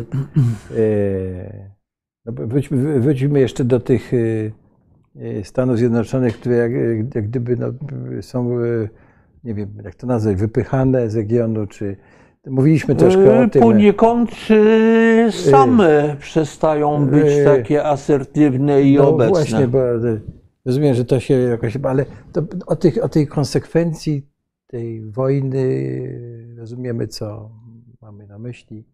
To jest agresja dla krajów Bliskiego Wschodu. Jak, jak oni widzą. A drugie, jeszcze jedno moje pytanie, czy są w tych krajach tacy analitycy spraw międzynarodowych, których pan, e, no, jak rozumiem, czyta, no oni mają przecież Czytam, swoje pi pisma, jak oni, jak ta, ta opinia, czy te elity to widzą? No tak, przede wszystkim mm, ten wpływ jest ogromny i wydaje się być bardzo trwały. Będzie po prostu bo, wojna oddziaływała bo, bo, trochę na widzę tu sprzeczność w tym, co Pan powiedział, że jest to wojna postrzegana jako wojna gdzieś tam na peryferiach e, Europy. Tak, ale to nie, znaczy, mhm. to nie znaczy, że jest to wojna, którą oni nie traktują poważnie. Mhm, jest, jest to, oni traktują to raczej bardziej, bardziej jako w tym przypadku pretekst do tego, żeby nie zajmować stanowiska jednoznacznego po jednej czy po drugiej stronie, ale żeby tłumaczyć właśnie swoje stanowisko, no bo my nie wiemy, jak to się rozwinie. E, natomiast e, świadomość, e, mm, świadomość konsekwencji jest oczywiście, bo ona się zaczyna od tego, że no są problemy ze zbożem, są problemy z nawozami, są problemy z niektórymi spaszami dostarczanymi do niektórych krajów Bliskiego Wschodu tych zwłaszcza biednych. Jemen, Syria, Egipt, Tunezja, gdzie y, no, y, nie tylko chodzi o sam, samo, samą dostępność y, żywności, ale przede wszystkim chodzi o jej ceny. Po prostu w Arabii Saudyjskich, krajach bogatych, no, jak to się mówiło, po prostu przenosząc z Francji, jeżeli nie będzie chleba, to można zawsze się ciastkami no, wyżywić. No, ale chleb to jest, cena chleba leżała u podstaw właśnie tych protestów tak, arabskiej wiosny. Tak, prawda? i ona w dalszym ciągu pozostaje. Zresztą w większości tych krajów, o których tu wspomniałem, e, żywność jest dotowana w dalszym ciągu przez państwo, które z kolei ma mniejsze dochody i te dotacje też są potężnym obciążeniem. Y, kraje bogate, one starają się pomagać, bo na przykład Egipt dostaje ogromne wsparcie wielomiliardowe ze strony Arabii Saudyjskiej, również dla podtrzymania waluty, dla podtrzymania, dla podtrzymania budżetu. Y, kraje też, te, ten wpływ jest związany, to jest obserwowane, y, jeśli chodzi o obecność wojskową, chociażby rosyjską w Syrii jak to się rozwinie, jakie będzie miało konsekwencje dla tej enklawy opozycyjnej w Idlibie, dla pozycji rządu w Damaszku. E, e, politycy na Bliskim Wschodzie muszą to, muszą, muszą to obserwować.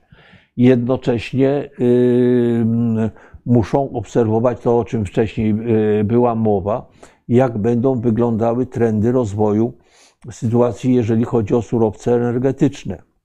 Na ile, na ile również ta obecna sytuacja związana z gazem, ropą i węglem przyspieszy działania Unii Europejskiej zmierzające do odejścia od węglowodorów w ogóle, bo to będzie oznaczało zmianę na rynku globalnym, po prostu, która będzie być może wcześniej zanim y, kraje Bliskiego Wschodu zdążą dokończyć tego procesu transformacji gospodarczej i odejścia od uzależnienia od ropy naftowej.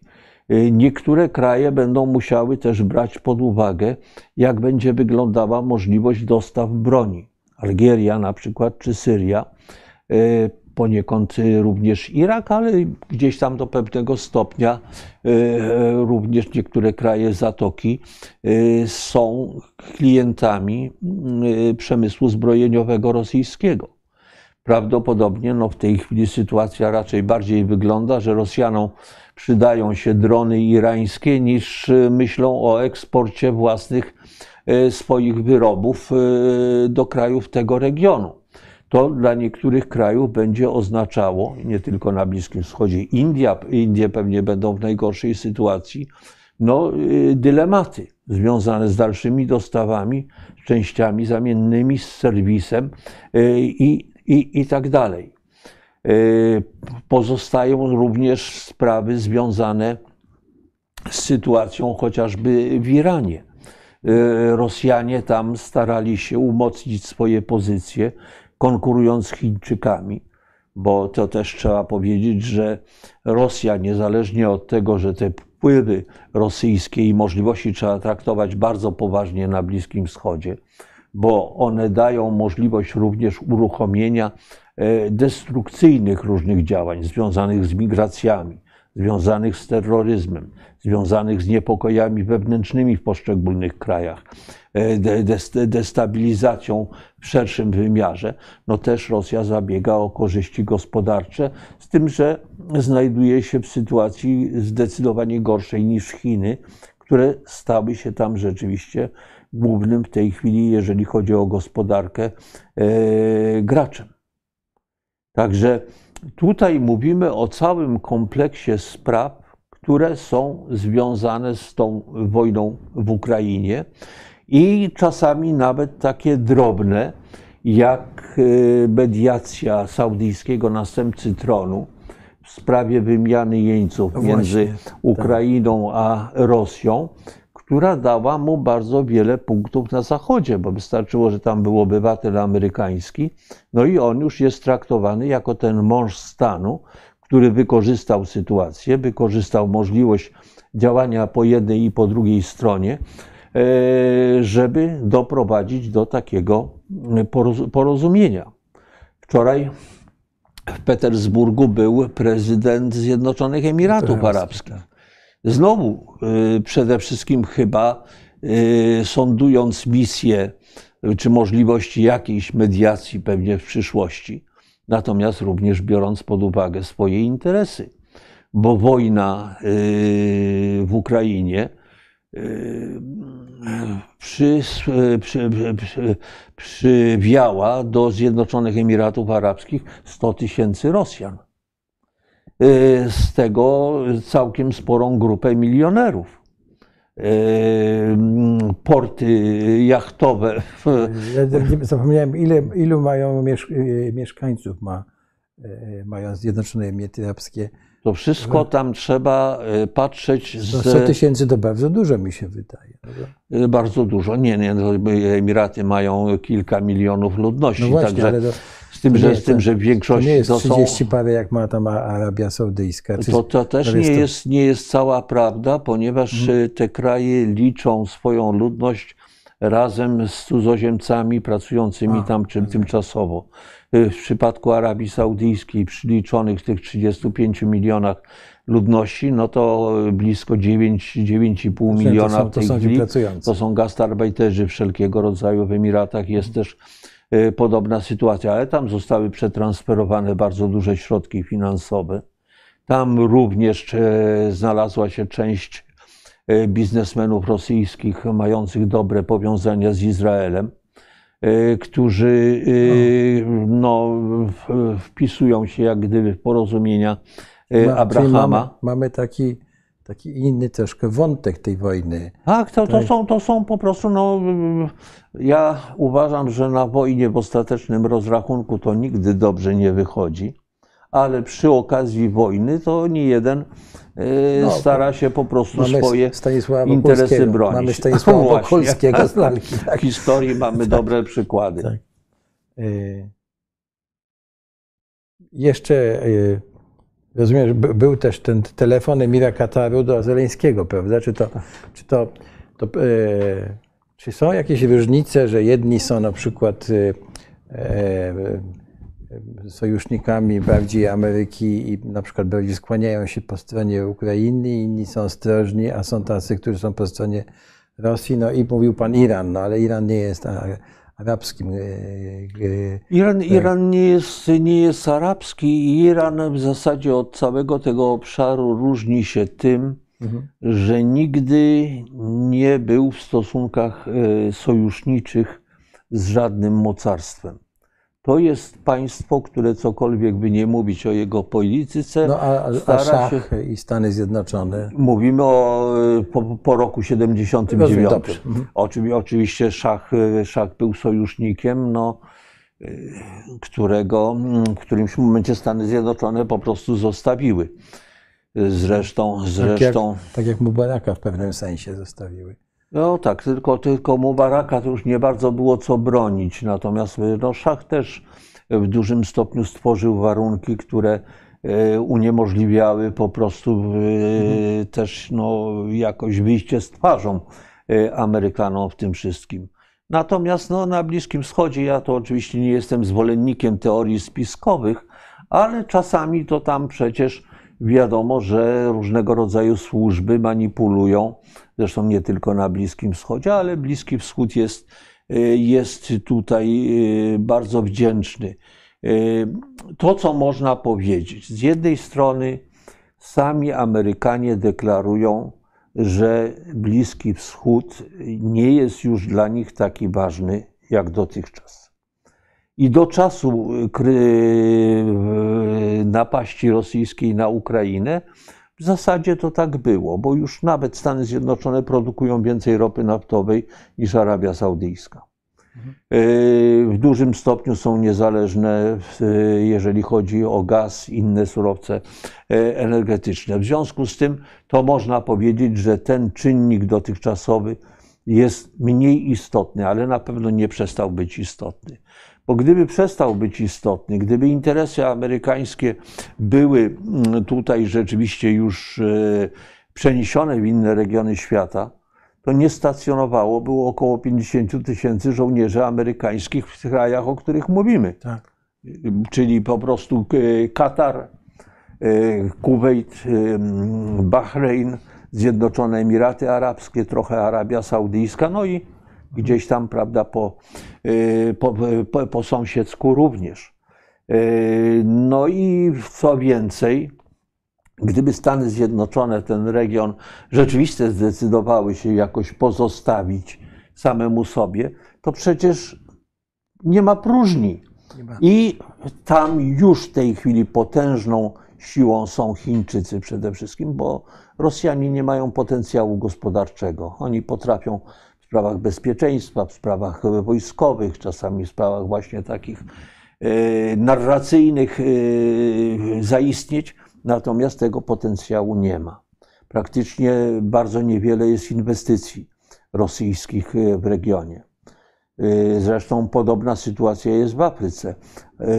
Rosyjskie inwestycje w całej, na całym kontynencie afrykańskim to jest 1% całych inwestycji zagranicznych, jakie tam są dokonywane. Także to w pewnym sensie pokazuje też y, słabość, y, słabość gospodarczą, finansową, y, inwestycyjną Moskwy w, ty, w, tym, w tym regionie.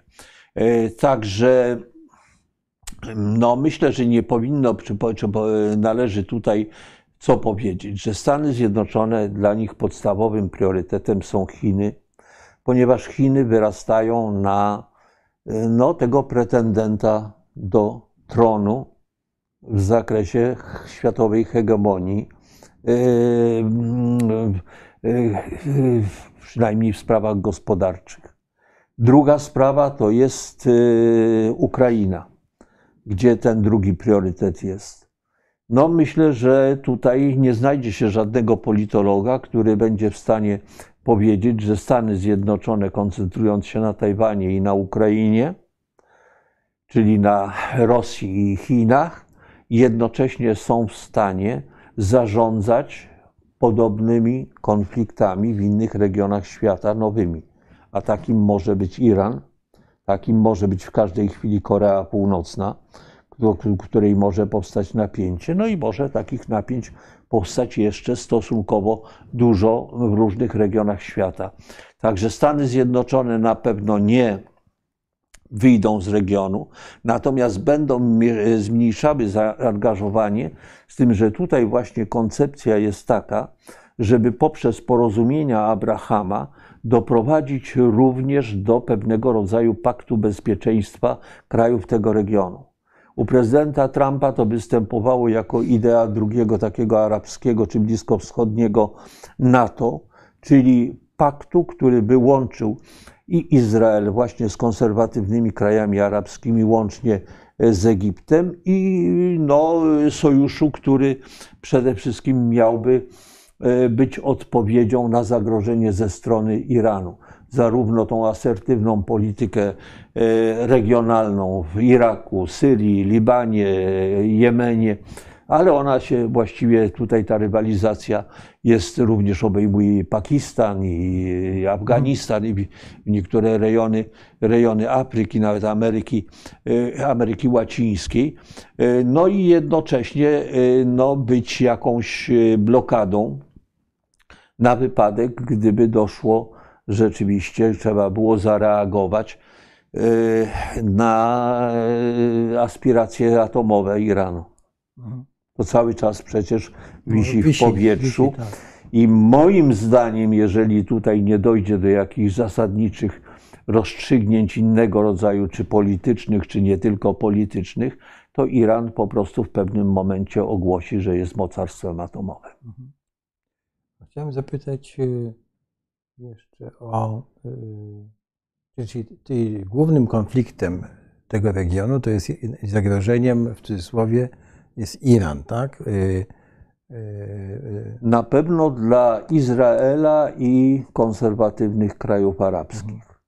Natomiast no. dla wielu krajów Iran jest po prostu też elementem pewnym destabilizującym, tak jak w przypadku Iraku, gdzie te wpływy irańskie i wpływy amerykańskie powodują, że de facto kraj stał się dysfunkcyjny.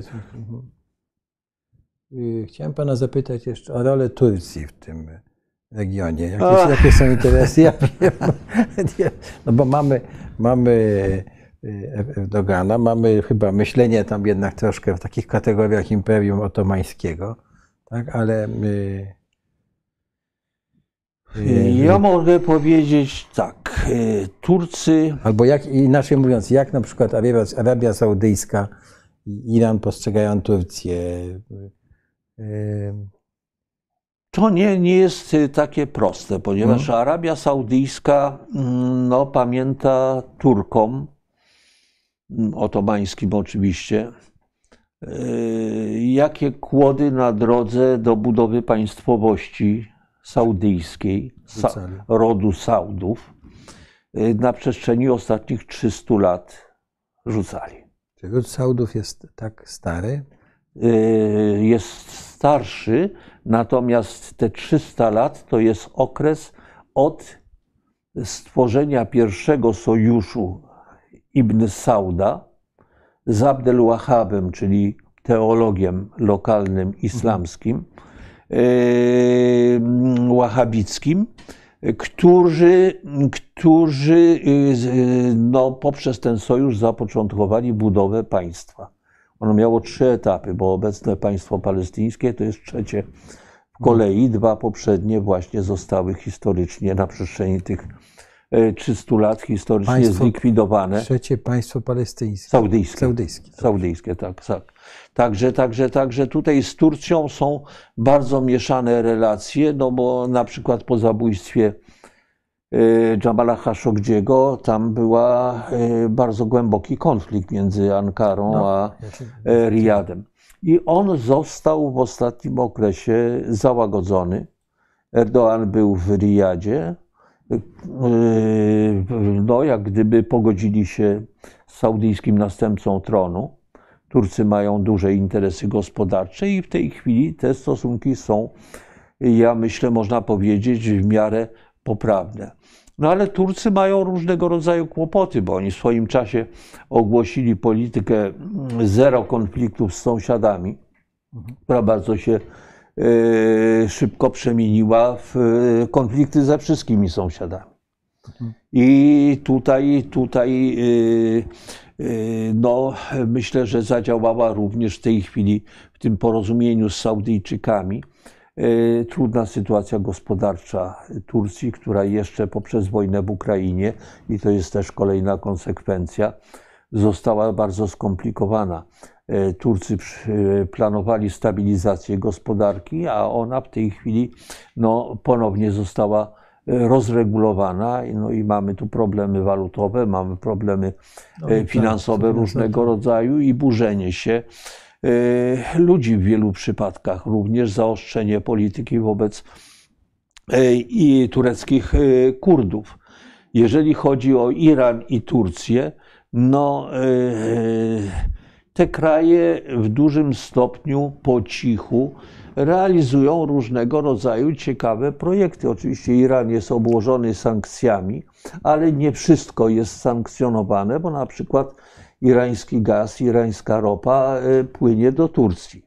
Ona jest też istotna z punktu widzenia gospodarki, gospodarki tureckiej. Turcy również są zainteresowani no, normalizacją tutaj e, tych relacji amerykańsko-irańskich, która powinna spowodować zniesienie czy złagodzenie sankcji. E, przejście do e, powrót do porozumienia nuklearnego jako początek również ekspansji kapitału tureckiego do, do Iranu. Tam no, mają bardzo duże możliwości. Także Turcy prowadzą politykę regionalnego mocarstwa, która czasami rozbija się o bardzo proste skały, Y, których albo Turcy nie zauważają, albo które y, po prostu nagle y, powstają. Chociażby w tej chwili no, mają poważną sytuację w Syrii. Planowali tam ofensywę mhm. przeciwko ugrupowaniom kurdyjskim. Myślę, że to również wojna w Ukrainie przyczyniła się do tego, że ta ofensywa nie jest podejmowana. Bardzo dramatyczną sytuację mają w rejonie Idlibu gdzie jest no, cała enklawa opozycji y, syryjskiej pod jakimś patronatem y, Turcji. Jest tam również bardzo dużo y, radykalnych islamistów w tym wszystkim. No i była planowana ofensywa władz w Damaszku przeciwko temu regionowi. Oczywiście Turcy protestowali Y, przeciwdziałali temu. W tej chwili też y, mm, Damaszek, który potrzebuje pomocy Rosji, no ma de facto bardziej skomplikowaną sytuację i. ten kryzys wewnętrzny w Syrii po prostu jest jeszcze dalszy od jakiegokolwiek y, politycznego rozwiązania. A czy Damaszek jakoś wykorzystuje ten osłabnięcie Rosji? Ja mówię, że nie, nie w sensie, żeby się pozbyć Rosjan, bo przy, może przestać istnieć, ale. ale no, jest głęboko zależny od hmm. Rosji. Ja myślę również, że tutaj y, Rosja jest potrzebna nie tylko y, Damaszkowi, hmm. bo również w szerszym układzie geopolitycznym Rosja jest pewnym zrównoważeniem dla wpływów irańskich w Syrii które są też bardzo silne, co z kolei jest istotne również dla Izraela. No Izrael nie jest zainteresowany, żeby, nie wiem, w Damaszku władzę przejęli islamiści na przykład, albo ugrupowanie, które rzeczywiście już tutaj jest jakąś kopią y, władców z Teheranu, ponieważ to oznacza kłopoty dla wszystkich i zaognienie sytuacji. Czyli to tłumaczy troszkę tą wstrzemięźliwą y, postawę Izraela. No, o Izraelu właśnie nie mówiliśmy, ale jakie są interesy Izraela w takim razie, jeśli chodzi o, o wojnę w, Izrael, interesy Izraela są, ja bym powiedział, y, wielo, wielorakie. Z jednej strony są interesy gospodarcze, które chociażby polegają na zagospodarowaniu nowych złóż gazu na Morzu Śródziemnym. Mhm. Z drugiej strony normalizacja stosunków również w sprawach bezpieczeństwa z sąsiadami w ramach porozumienia Abrahama. Yy, przygotowywanie gruntu do yy, E, bliższej współpracy czy wejścia w porozumienia Abrahama Arabii Saudyjskiej, zachowanie jednak pewnej stabilizacji w Syrii, bo ona jest też potencjalnie groźna dla Izraela. No ale myślę, że jak gdyby tym najważniejszym wyznacznikiem polityki izraelskiej wobec regionu jest działania powstrzymujące i wypychające wpływy irańskie. To jest jak gdyby ten e, podstawowy, podstawowy cel. cel. Tym bardziej, że mm, Irańczycy potrafili zbudować po pierwsze wpływy, po drugie potrafili zbudować e, stosunkowo silną armię i jednocześnie opanować cały szereg e, nowoczesnych narzędzi militarnych, uzbrojenia, jakie tutaj są. Są krajem, który ma potężny potencjał energetyczny i to nie jest wyłącznie ropa naftowa, ale w takim samym stopniu gaz. I w momencie, kiedy sytuacja by tylko na to pozwoliła, czyli po zniesieniu amerykańskich sankcji, tam natychmiast wejdzie duży kapitał. No przede wszystkim chiński, bo Chińczycy yy, już od pewnego czasu posiadają porozumienie o współpracy strategicznej Y, z Iranem i planują w długoletniej perspektywie zainwestować tam 200 miliardów dolarów. Przede wszystkim przemysł energetyczny i infrastrukturę. Zresztą niektóre projekty są już tutaj realizowane. I no, z, z, drugiej, z drugiej strony po prostu wejdzie również kapitał europejski, być może amerykański, jeżeli tylko nie będzie e, sankcjonowany. Mhm. Także Iran no, jest w tej chwili przeżywa potężne kłopoty również gospodarcze, również no, wynikające tak. z sankcji, ale również problemy społeczne, społeczne bardzo tak. silne, tak. które, społeczno-polityczne, ponieważ w jakimś stopniu chyba ta władza w Teheranie doszła do jakiegoś punktu, że tymi metodami nie da się dalej po prostu rządzić. Bardzo dziękuję. Chciałem jeszcze e, za, wspomnieć o Pana książce. Książka się nazywa Arabia Incognita, raport polskiego ambasadora.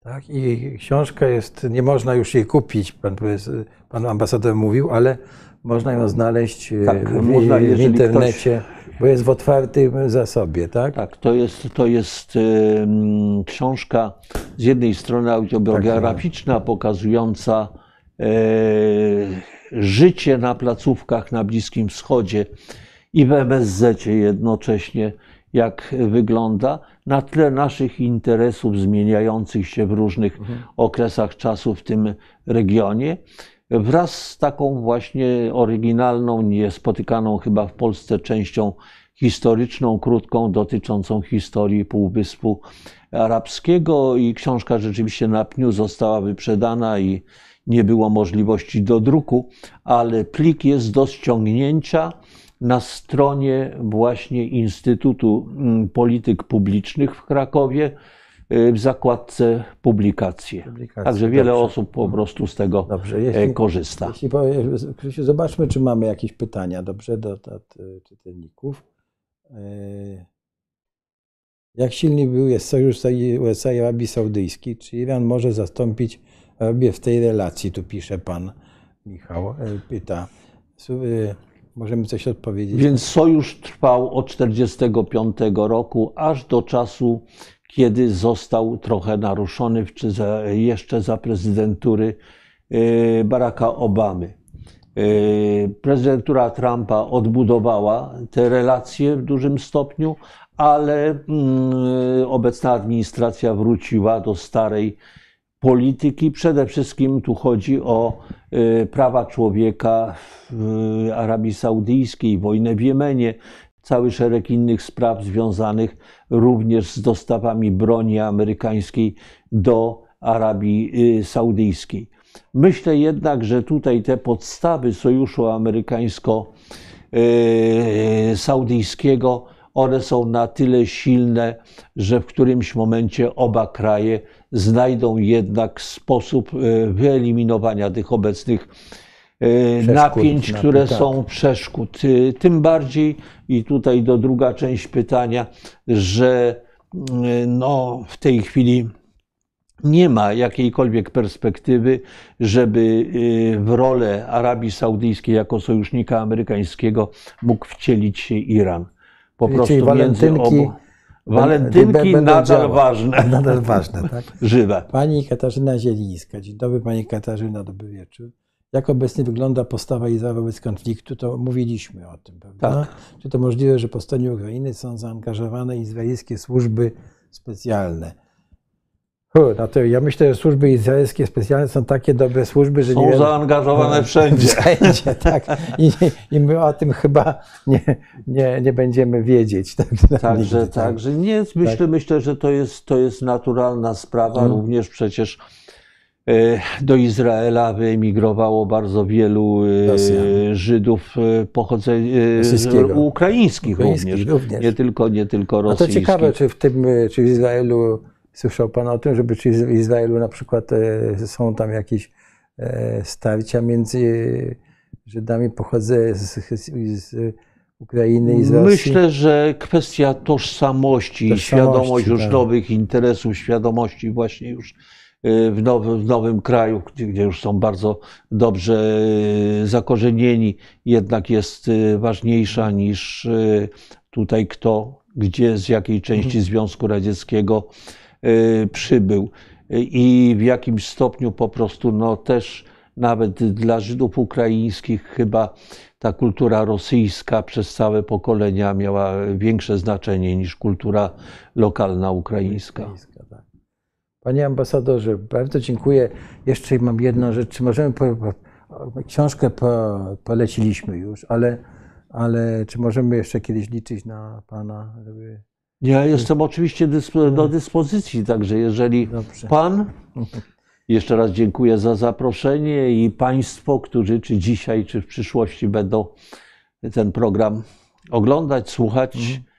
Y, będą zainteresowani, także y, chętnie, chętnie przyjdę kolejny raz. Y, zresztą, no, muszę powiedzieć, że w ostatnim okresie bardzo wzrosło zainteresowanie problematyką y, bliskowschodnią i czasami to jest wręcz takie symboliczne. 3 października miałem wykład inauguracyjny y, poświęcony właśnie regionowi Bliskiego Wschodu na Uniwersytecie Jagiellońskim. A następnego dnia 250 słuchaczy Uniwersytetu Trzeciego Wieku na Woli i Bemowie, czyli tutaj można powiedzieć y, po sąsiedzku i zarówno młodzież, jak i nieco starsi. Słuchacze. No i raz, że dużo y, pytań padało, widać było to zainteresowanie. No i było również bardzo dużo świadomości, że te polskie interesy i historycznie, i dzisiaj one są w tym regionie bardzo ważne, zarówno y, tak samo jak zresztą i zagrożenia, które z tak.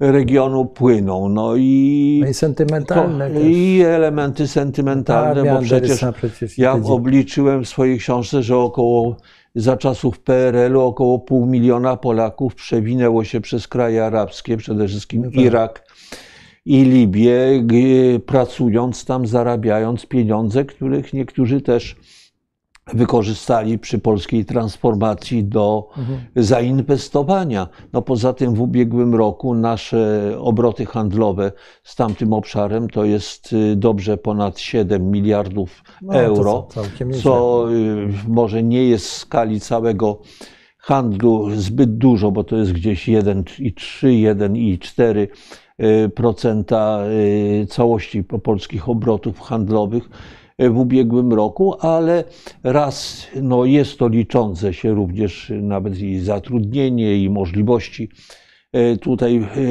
pote- polskiego przemysłu, no jak również to, co trzeba powiedzieć, że są możliwości dużo większe, tylko czasami nie starcza tych narzędzi, które używamy, żeby promocję naszego kraju handlową, inwestycyjną w tamtym regionie realizować.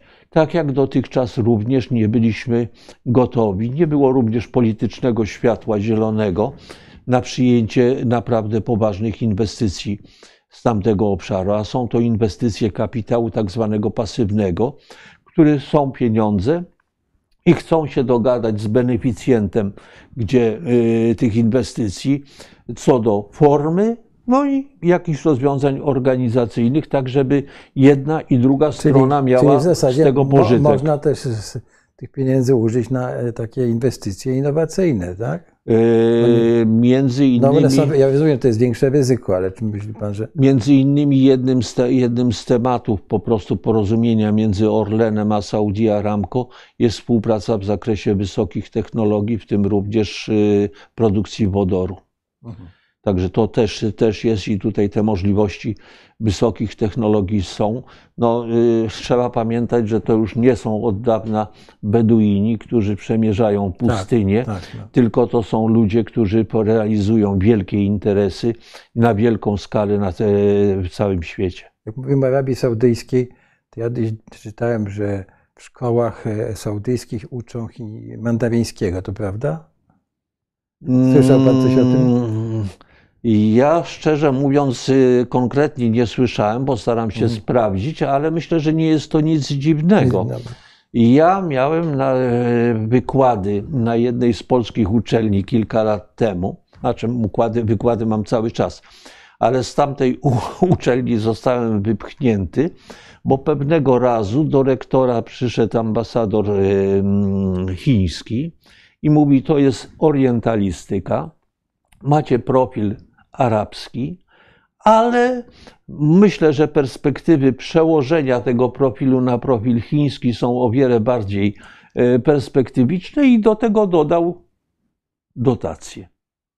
No to przecież mało która uczelnia prywatna by się oparła wobec e, takiej, No takiej takie propozycji. troszkę, Także E, zmienił się troszkę, profil. W cudzysłowie Instytut Konfucjusza, tak? No, można, można, można powiedzieć. Natomiast y, mm, to, co pewnie już teraz przekraczamy czas, ale to warto powiedzieć, że szkoły, czy w ogóle system szkolnictwa saudyjskiego przechodzi Właśnie, też trans, transformację. Y, z- Są eliminowane treści takie na przykład, które są uważane za antysemickie. Y, No, wprowadzanych jest wiele takich liberalizujących y, elementów.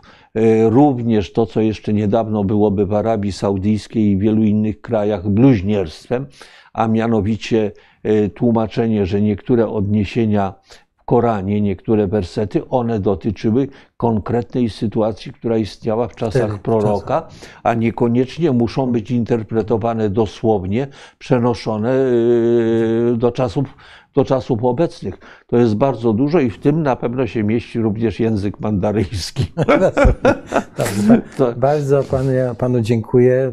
Dwie godziny e, rozmawialiśmy. Dla mnie była pasjonująca i ciekawa rozmowa. Bardzo, bardzo dziękujemy Państwu za obecność i, no i mam nadzieję do zobaczenia. Dziękuję serdecznie. Dziękuję bardzo. Wszystkiego dobrego. Wszystkiego dobrego.